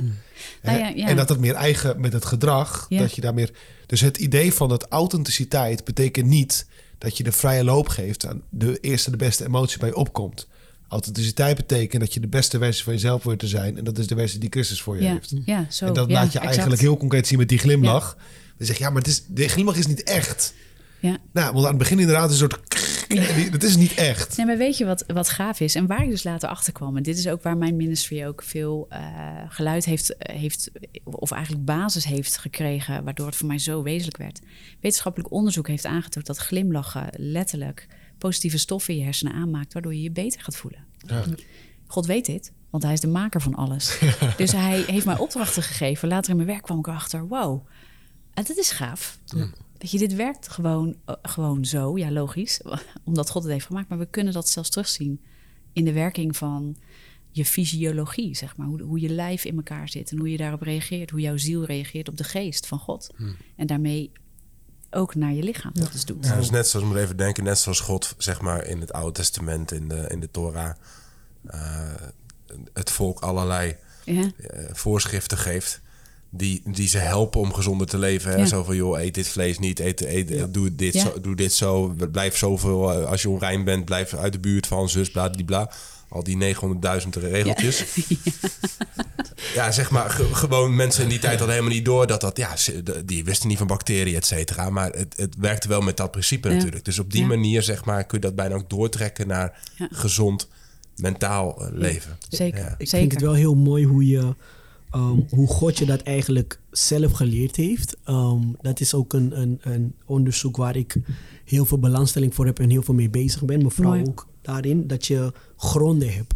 Ja. En dat je daarin bepaalde autoriteit mag nemen, vooral als christen. Ja. Om gewoon te zeggen, nou, ik geef dit stukje grond niet weg. Ik, Zo is ik, ik, ben, ik heb autoriteit. Ja. En ik heb misschien in het verleden heb ik wel toestemmingen gegeven. Zo maar het, vanaf dit punt zeg ik gewoon nee is nee. En dat simpele glimlach of dat joggen of dat ehm, de simpele dingen die je moet doen. Eigenlijk neem je daar gewoon autoriteit in. Zo is het, ja. En dan neem je al die touwtjes gewoon in hand. Want dat is wat Ja. God wil, dat je hebt, dat je controle hebt.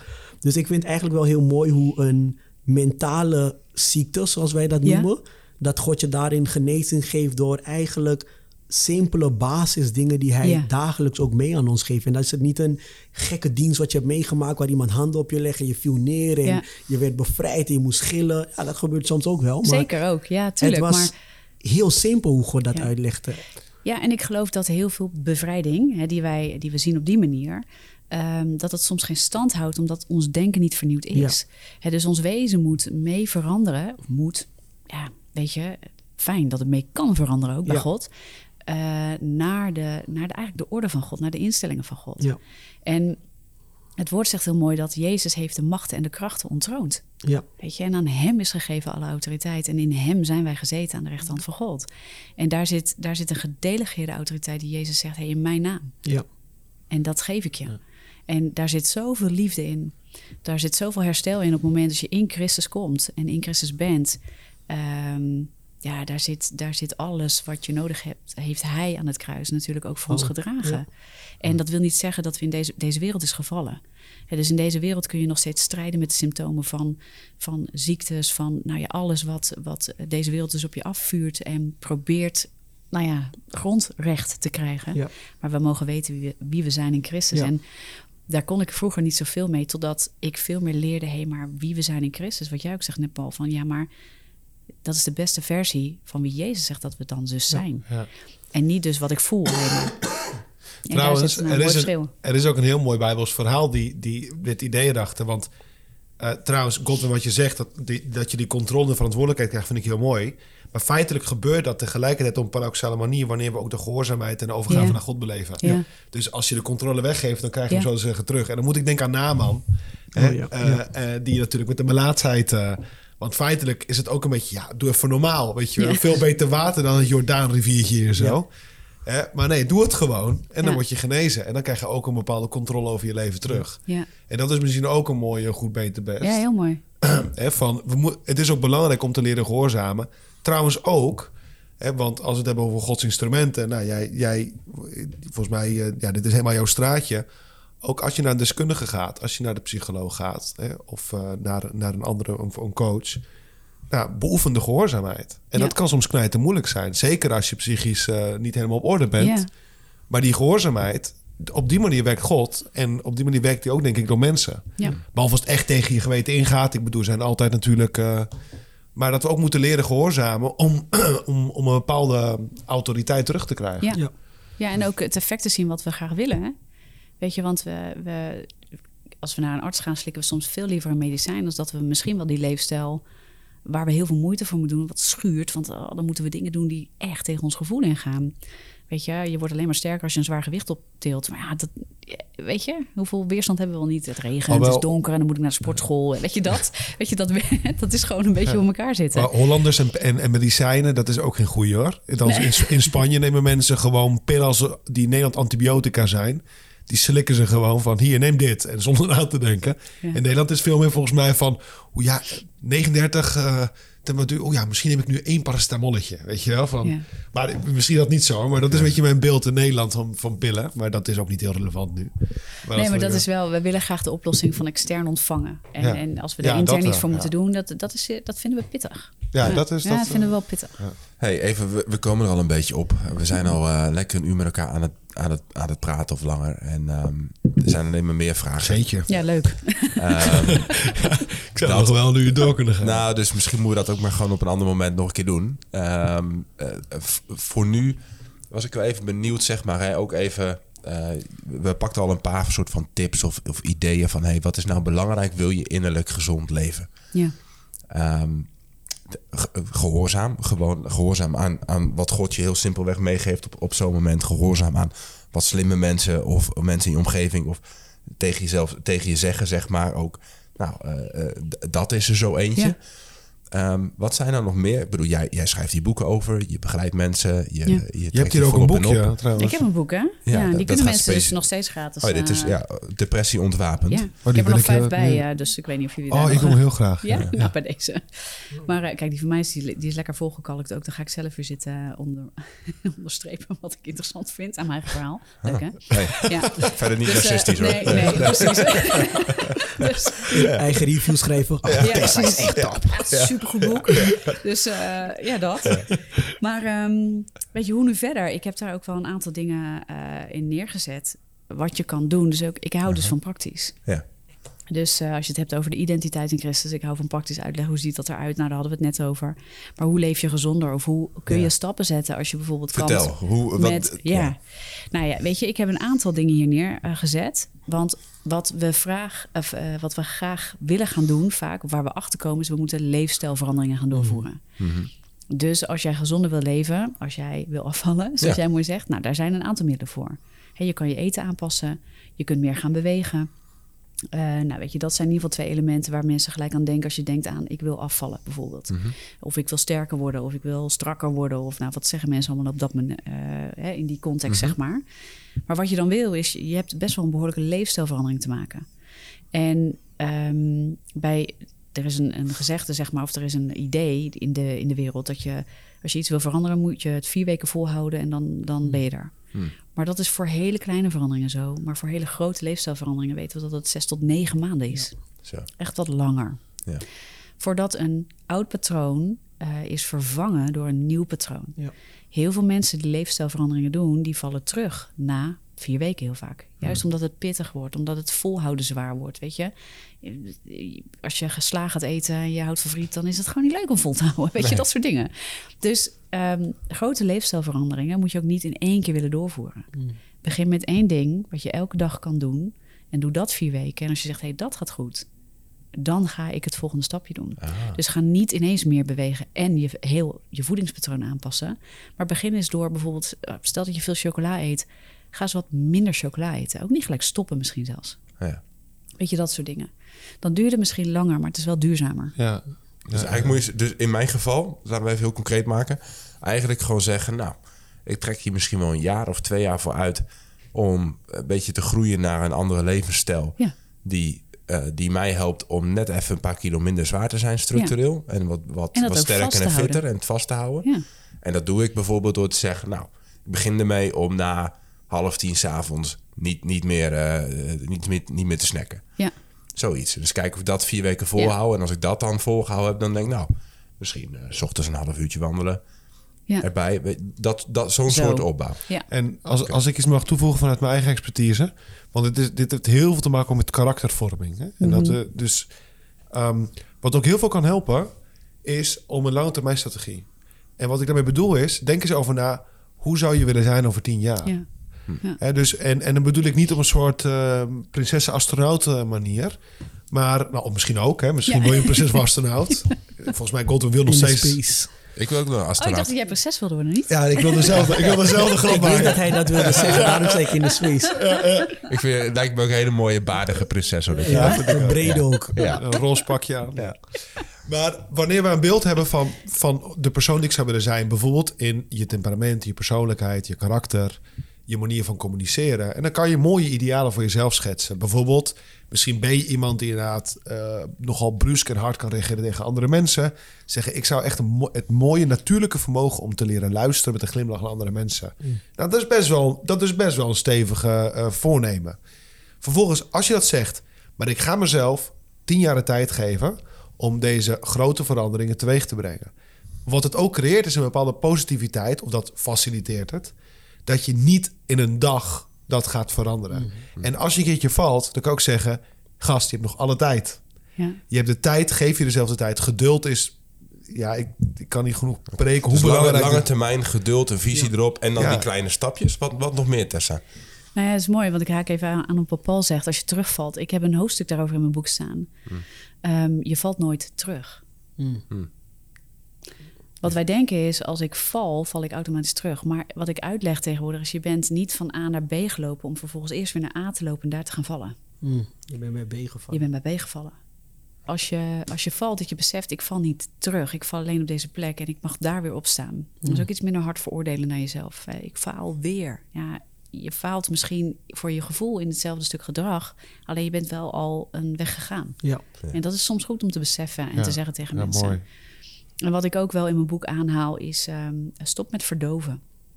Wat we vaak doen is, ehm, we zijn eigenlijk allemaal op zoek naar een stukje zingeving, naar ons nuttig voelen, onze waarden ergens kunnen nou ja, bevestigen eigenlijk. En als we pijn voelen, dan hebben we heel erg de neiging om dat te gaan verdoven. Dus heel veel verslavingen, heel veel eh, van dat soort zaken komt voort uit een verlangen, maar waar een pijn in zit. En omdat we niet goed kunnen we weten gewoon vaak niet, weet je, waar, waar, hoe we met die pijn om moeten gaan. Dus gaan we wegrennen, we gaan feesten, drank, drank weet je, drank drugs. eh, nou, dat, we verstoppen onszelf. Ja. En dat kan tijdelijk goed voelen, dus vermaak zou je het ook kunnen noemen. Ehm, maar uiteindelijk verstopt het waar de problemen liggen en die, komen, die worden steeds gekker. Weet je, die komen steeds meer omhoog. Dus stop met verdoven en durf te gaan kijken naar je hart. Weet je, dat is wel de eerste stap. En dat vinden mensen echt eng. En dat maakt ook dat we vaak geen hulp durven zoeken. Wat bedoel je met het hart?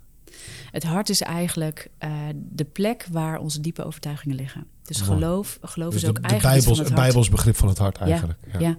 we weten vanuit de neurowetenschappen dat eh, emoties worden gevormd in je hersenen. Heel veel mensen denken, ja, wat ik, wat ik voel, dan zitten ze hier, maar het zit, zit in je brein, dat ding. Ehm, maar er is steeds meer eh, ook onderzoek naar de positie, ook fysiek in het hart. Eh, en het hart en ook zelfs een, een deel van de maag, want we hebben zelfs geheugencellen. Hersen, een beetje vergelijkbaar met hersencellen. En dat reageert soms eerder dan de hersenen op bepaalde ehm, externe... Oh, de, de onderbuikgevoelens bijvoorbeeld. Ja, en de, weet je, ze zeggen ook, ze komen er steeds meer achter. Het lijkt alsof onze overtuiging, ons geloof ook een soort fysieke plaats heeft in dat hart. Ja, dat geloof ik. Ja, weet je, dat is iets heel moois. Dus eh, er is wetenschap, een heel jonge wetenschap.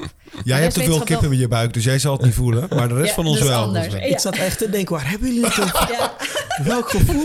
ja, dit pak je niet. Het gevoel wanneer Jammer. ik honger heb, dacht ik. Maar Maar ook, Dit, dit is ook, dit is ook die... maar ook heel veel eten wordt direct Super ook in verband gebracht met depressieve gevoelens. Daar Ja. zijn ook allemaal onderzoeken van. Weet je dus... hoe En dat je- maar dat je verdo- geestelijk- Verdoven dus ook. Voeding is ook iets waar we heel erg mee verdoven. Ja. En, En nu je het dus- zegt, geest, sommige geestelijke pijnen. Mensen geven concreet aan onderdelen van het lichaam aan waar ja. ze dat voelen. Geestelijke pijnen. Hè, angst slaat om het hart zijn ook van die uh, uitspraken. Hè? Bij mij Juk- spanning, spanning zit echt hier. Ja. Bijvoorbeeld, ik merk dat. Ik merk er gewoon, eh, ja, interessant. Interessant, hè? Dus er zijn heel veel eh, koppelingen. Ja, we zijn gemaakt als geest, ziel en lichaam, weet je. En dat is verbonden met elkaar. En dat zie je dus ook heel erg terug. Hey, maar En- wat moet je dan vervolgens... ehm eh, nee, dus, pak dat heel holistisch op, hè. Maar wa- wa- wat, wat moet je... Dus stel, ik zit op die bank met die zak chips... En Ja, denk, dat- ja, dat is dus die Ik verdoving, zit mezelf vermaak. te verdoven met eten. Ja. En nu ga ik eens even in mijn, eh, mijn hart en mijn buik voelen... waar dat dan allemaal zit of zo. Of, Nou wat dan? misschien, misschien nog niet eens zo dat je heel erg... Want dat kan ook een soort van helemaal niet concreet zijn. Ik, Ja. voel, ik voel een, een- Ja, mijn buik rommelt, ik heb dus honger. Dus het is helemaal door. niet eh, vermaak. het is gewoon, ik heb honger. Want het kan het ook zijn, hè. Maar je merkt in jezelf, joh, elke avond zit ik met die zak chips... maar ik worstel ermee, want ik wil eigenlijk wat anders. Ja. Waarom pak ik die zak chips?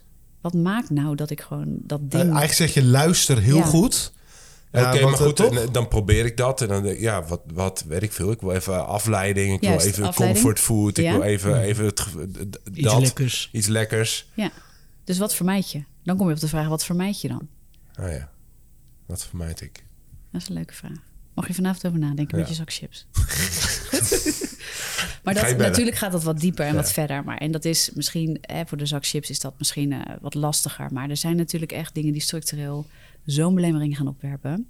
Ja. Waar we het zo wegduwen dat het de eerste stap is van... hé, hey, ik doe dat. Dus erkenning. Mm. Ja, dus stop met verdoven, begin met erkenning. Ik heb, een, ik heb dit ding in mijn leven. Daar zit wat onder. En daar kan ik wat mee. Ja. Maar dan moeten we hulp gaan zoeken. Dus een van mijn adviezen is ook, zoek ook hulp. Oh ja. Weet je, we moeten die schaamte ook eens een keer voorbij dat hulp zwak zou zijn. Hulp zoeken, dat is helemaal niet zwak. Christus, hè, God heeft ons ook gemaakt als een familie. Dat is niet voor niks. Je hebt elkaar nodig. En dat is niet omdat je dan elkaar op elkaar schaamte of zwakte kan, kan wijzen, maar juist elkaar kan opbouwen eh, tot, eh, tot nou ja, de beste versie die je bedoeld bent te zijn. Ja, dus ik zou in ieder geval ook als concrete, iedereen die, die een stapje wil zetten of weer een stap, dus erkennen, sta erbij stil, eh, probeer Ja. het een beetje te analyseren, wat jij, nou, dat. En vervolgens, ja, eh, stapjes naar een, naar een, naar een betere, eh, stapjes gaan zetten, maar daar ook om hulp vragen. Dus ik zou ook aan mijn vrouw kunnen vragen, joh schat, wil je me even attenderen als ik weer om, eh, om half tien naar die zak chips grijp, van hey, of dat nou zo'n goed idee is. Gooi Ja. water op me als ik het doe. Nou, en, heel, en Ja. heel praktisch. En een stuk accountability. Hè? Ja. Dat helpt gewoon. Ja. We hebben dit ook besproken met Rico van Opgezwollen. We hebben het besproken toen we over porno spraken. We hebben het besproken. Ja. Gewoon uit het. Hè? Dat vergt dapperheid. Het is Ja. heel dapper. Ja. Ja, dat is super dapper. Je moet echt... eh, maar, eh, En, en kunnen we, zijn er mensen waarmee we echt de dieptes van ons hart kunnen bespreken? Dus kan ik, kan ik hè, je hebt het net over porno, eh, dat jullie daarover hebben gehad. Nou, kun je dat bespreken met iemand? Zonder dat je gelijk op de voorhand al veroordeeld wordt. Kunnen we ja, dat? Durven je- we dat? Ja, dat is een hele goeie. En dan wil ik er eigenlijk ook even bij stellen, want dat is belangrijk. Misschien heb je die mensen om je heen. Misschien heb je die vriend, de moeder, je vader, wie dan ook. Maar als iemand dat nou niet, niet het, het gevoel heeft dat hij zo iemand heeft. Ja. We zeggen, hoe kan, wat zijn manieren om, om te investeren in een relatie, om, om daar ruimte voor te scheppen? Ik ben benieuwd of jullie daar... Want ik zou ook niet als vanzelfsprekend aannemen dat mensen zo iemand hebben. Sommigen Nee, hebben dat het wel, maar sommigen hebben het niet. Nou ja, gezien de eenzaamheid ook, hè? Ja, Dus en, dat- het, en dat, het onbegrip hè, van ik heb niet het gevoel dat de mensen... Ik praat met mensen, ik heb vrienden... maar iemand met wie ik echt die diepe shit deel... als je dat niet hebt, hoe kan je misschien... Ja, hoe kan je misschien zo'n relatie ontwikkelen met iemand? Dus ik denk, ik, dat is ook wel een diepe vraag, maar... Nou, nou, misschien in ieder geval. Het is een goede vraag. En misschien wat ik in ieder geval over in dit geval, ik bedoel, we- we- over kan zeggen, is, is even, kom plat gezegd naar dat, naar dat event op 15 december.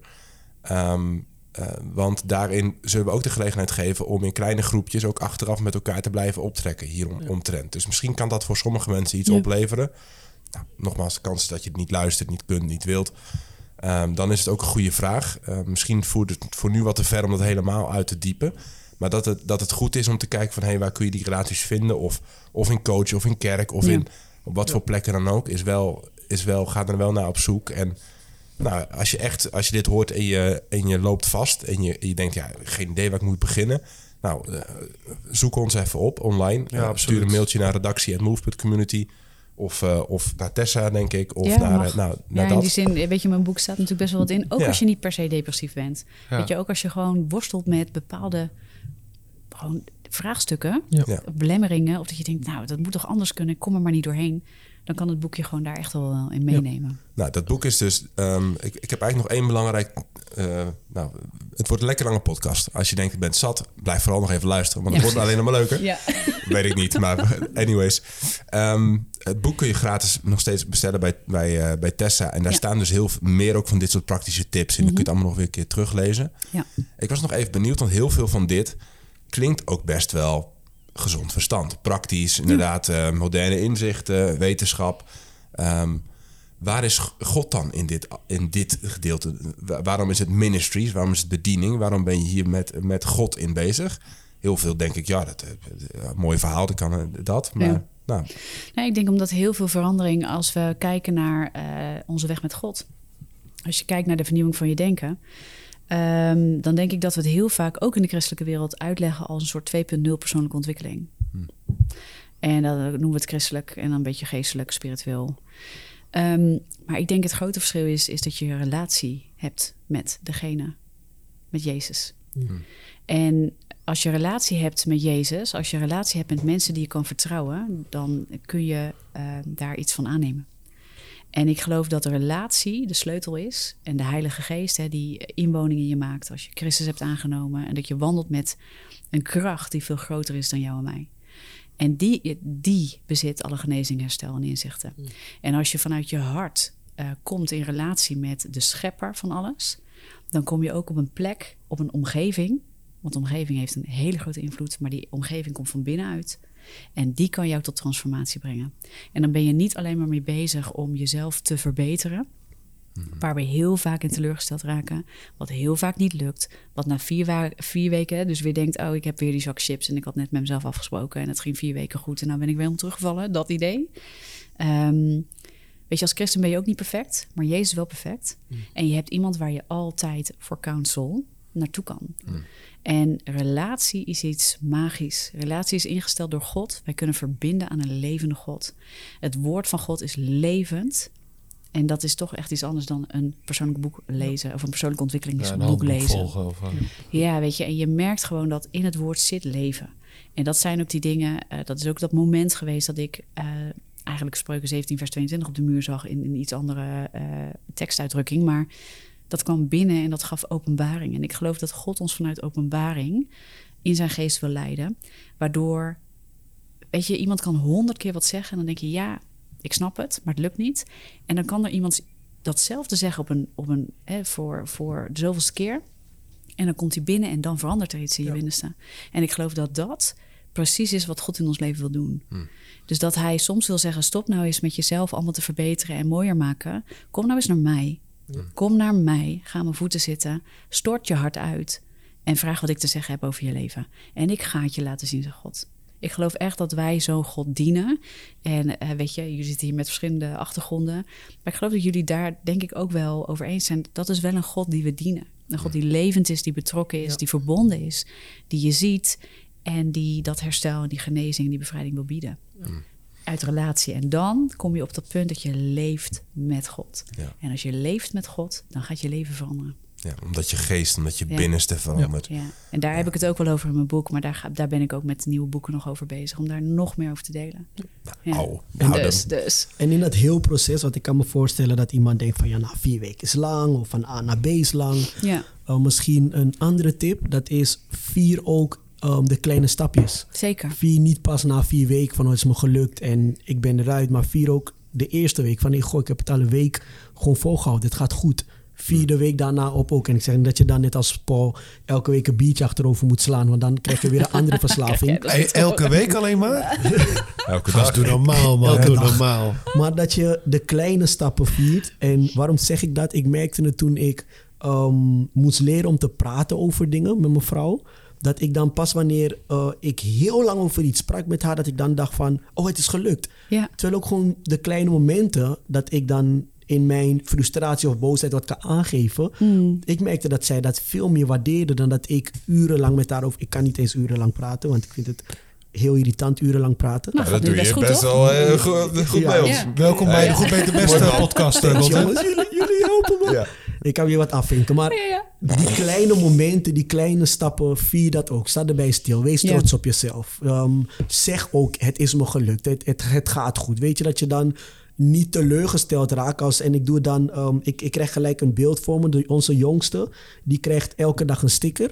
En als het een ehm, week goed gaat, krijgt hij een grote sticker. Dus als het een dagje niet goed gaat, kan hij kijken naar zijn sticker en dan kan hij zien, maar ik heb het wel vier, vijf dagen goed gedaan. Dat het vandaag niet goed is gegaan, dat geeft dan helemaal niet, want ik heb het de andere dagen wel goed gedaan. En dan krijgt hij aan het einde van- van de week nog steeds een grote sticker, want hij heeft het over het algemeen gewoon heel goed gedaan. Dus dat is misschien iets wat we met onszelf moeten vertalen in een, op een andere manier. Geef jezelf elke dag een sticker, zodat je aan het einde van de week de grote sticker kan krijgen. Ja, Lekker, mooi. man.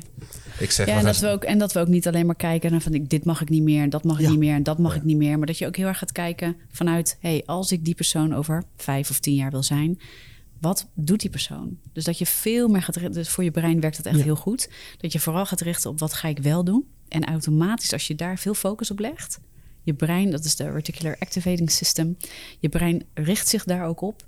En het helpt je automatisch om niet meer zoveel bezig te zijn met wat je niet Niet- mag. ja. Het elimineert bijna nou, automatisch. Het klinkt wel heel makkelijk. Maar dat helpt echt om dat gewoon makkelijker niet meer te doen. Dat is echt een reframe is dat, ja, dat is echt reframen. Maar je brein, dus als ik, als ik nu denk aan een rode mini, dan zie ik op de weg ineens allemaal rode minis. Ja. En andere dingen vallen me niet meer op. Terwijl als ik aan een zak chips denk, omdat ik dat vooral niet mag, dan ga ik overal chips zien. Ja. Weet je, en, en, en zo, ja, maar, en zo, maar is dat, Ah, je moet aan spruitjes denken. denk ik, ja, precies. Je moet echt, ja, dus de focus gaan verleggen naar wat daarbij hoort. Hè? Dus hoe ziet die persoon eruit? Of hoe beweegt die persoon? Wat voor gedrag eh, doet die persoon? Hey, die wil ik zijn. En waarom? Nou, dat vind ik heel gaaf. En, en wat is daarvoor nodig? En welke kleine stapjes zijn er dan? En hey, die pak ik. En die vier ik. En dat, dat gaan we gewoon doen, hè? En dan heb je een hele andere vibe. Ja. Ja, Nou. dat helpt. Mooie ik vond, afsluiting. eh, ja, gaaf. Lekkere praktische afsluiting voor iets wat allerlei. En dat vind ik ook echt gaaf van jou dat je het praktische, het spirituele, het, het, het, het geestelijke, het fysieke. Je bent heel holistisch eh, bezig en, eh, en met God. Dus thanks voor de alle inspiratie daarin. Alle tips op het eind. Jongens, nou, het boek dus, daar kun je, daar kun je voor terecht, eh, voor Ja. veel daarvan. Ja. Maar we moeten misschien ook nog maar eens even op Insta of zo even een lijstje met de belangrijkste tips gaan delen, denk ik. Ehm, want er zit veel, eh, zit veel in waarvan ik nu al denk... Oh, dit, dit moet ik vanavond even op gaan schrijven of zo. Eh, nou, hoe dan ook. ja, en dan is deze podcast wel lang om terug te luisteren. Ja, nou ja. Dus moet ik nog gaan werken, maar daar gaan we, daar gaan we ergens Nee, iets van, eh, van maken. Nee, maar eh, leuk. Ontzettend bedankt dat je er was. Ja, dank je. ik heb heel, veel leuk om geleerd. weer, eh, ja, nee, ik ook. Ik vond het echt heel leuk om hier te zijn. Dus eh, thanks guys. Ja, echt ik voel me nu alweer gezonder. Yes. Nou, Zie, dat bedoel ik. alright. Zullen we een zak chips eten om het te vieren, of niet? Ja, leuk. Nou, dat, en, en, maar het nou helemaal vieren, dan ga ik hem daarmee eh, lekker PR einde. 15 december dus ehm, het eh, event met, eh, met de Move Community. Schrijf je in, dat kan via movecommunity.nl. Move.community, sorry, move.community. Daar vind je ook, ook een, een link als het goed is naar de plek waar je kunt inschrijven voor dat event. Dan gaan we met experts, met elkaar gaan we doorpraten, samen zijn en kijken hoe kun je nou gezonder leven. Ehm, en eh, dat doen we samen met ProLife. Dus eh, hartstikke mooi om dat zo met elkaar te kunnen doen. Thanks. Moeten we nog met een eh, liedje eindigen, of niet? Ja, ik zat op tot te denken. Heb je Nou, iets, misschien heb je iets I- gezond? Nou, die van I Feel Good. I feel good. Dat is toch wel, dat is misschien wel leuk nu, toch? Ah ja, dat is wel een goeie. Een lekkere vibe aan het einde van... eh, we hebben een beetje die gewoonte dat we even kijken... Er komt een liedje bij ons op om de podcast mee te eindigen. Oh, dat is wel leuk. Oh mijn god. Feel good. I knew that I would. Kijk Kessa, deze is voor jou. Onze speciale gast. Oh mijn god, wie is dat? So good. Oké, okay, helemaal achter dat masker. Ze wordt ook wel de vlieg genoemd. Oh ja, dat is inderdaad zo'n ding. Ja. Goed. Thanks, mensen.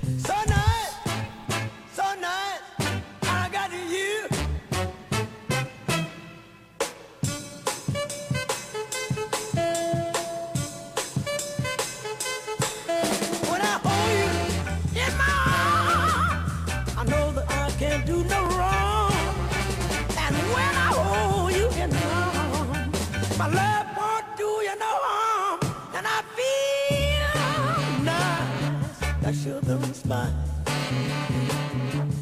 I feel nice, a sugar and spice.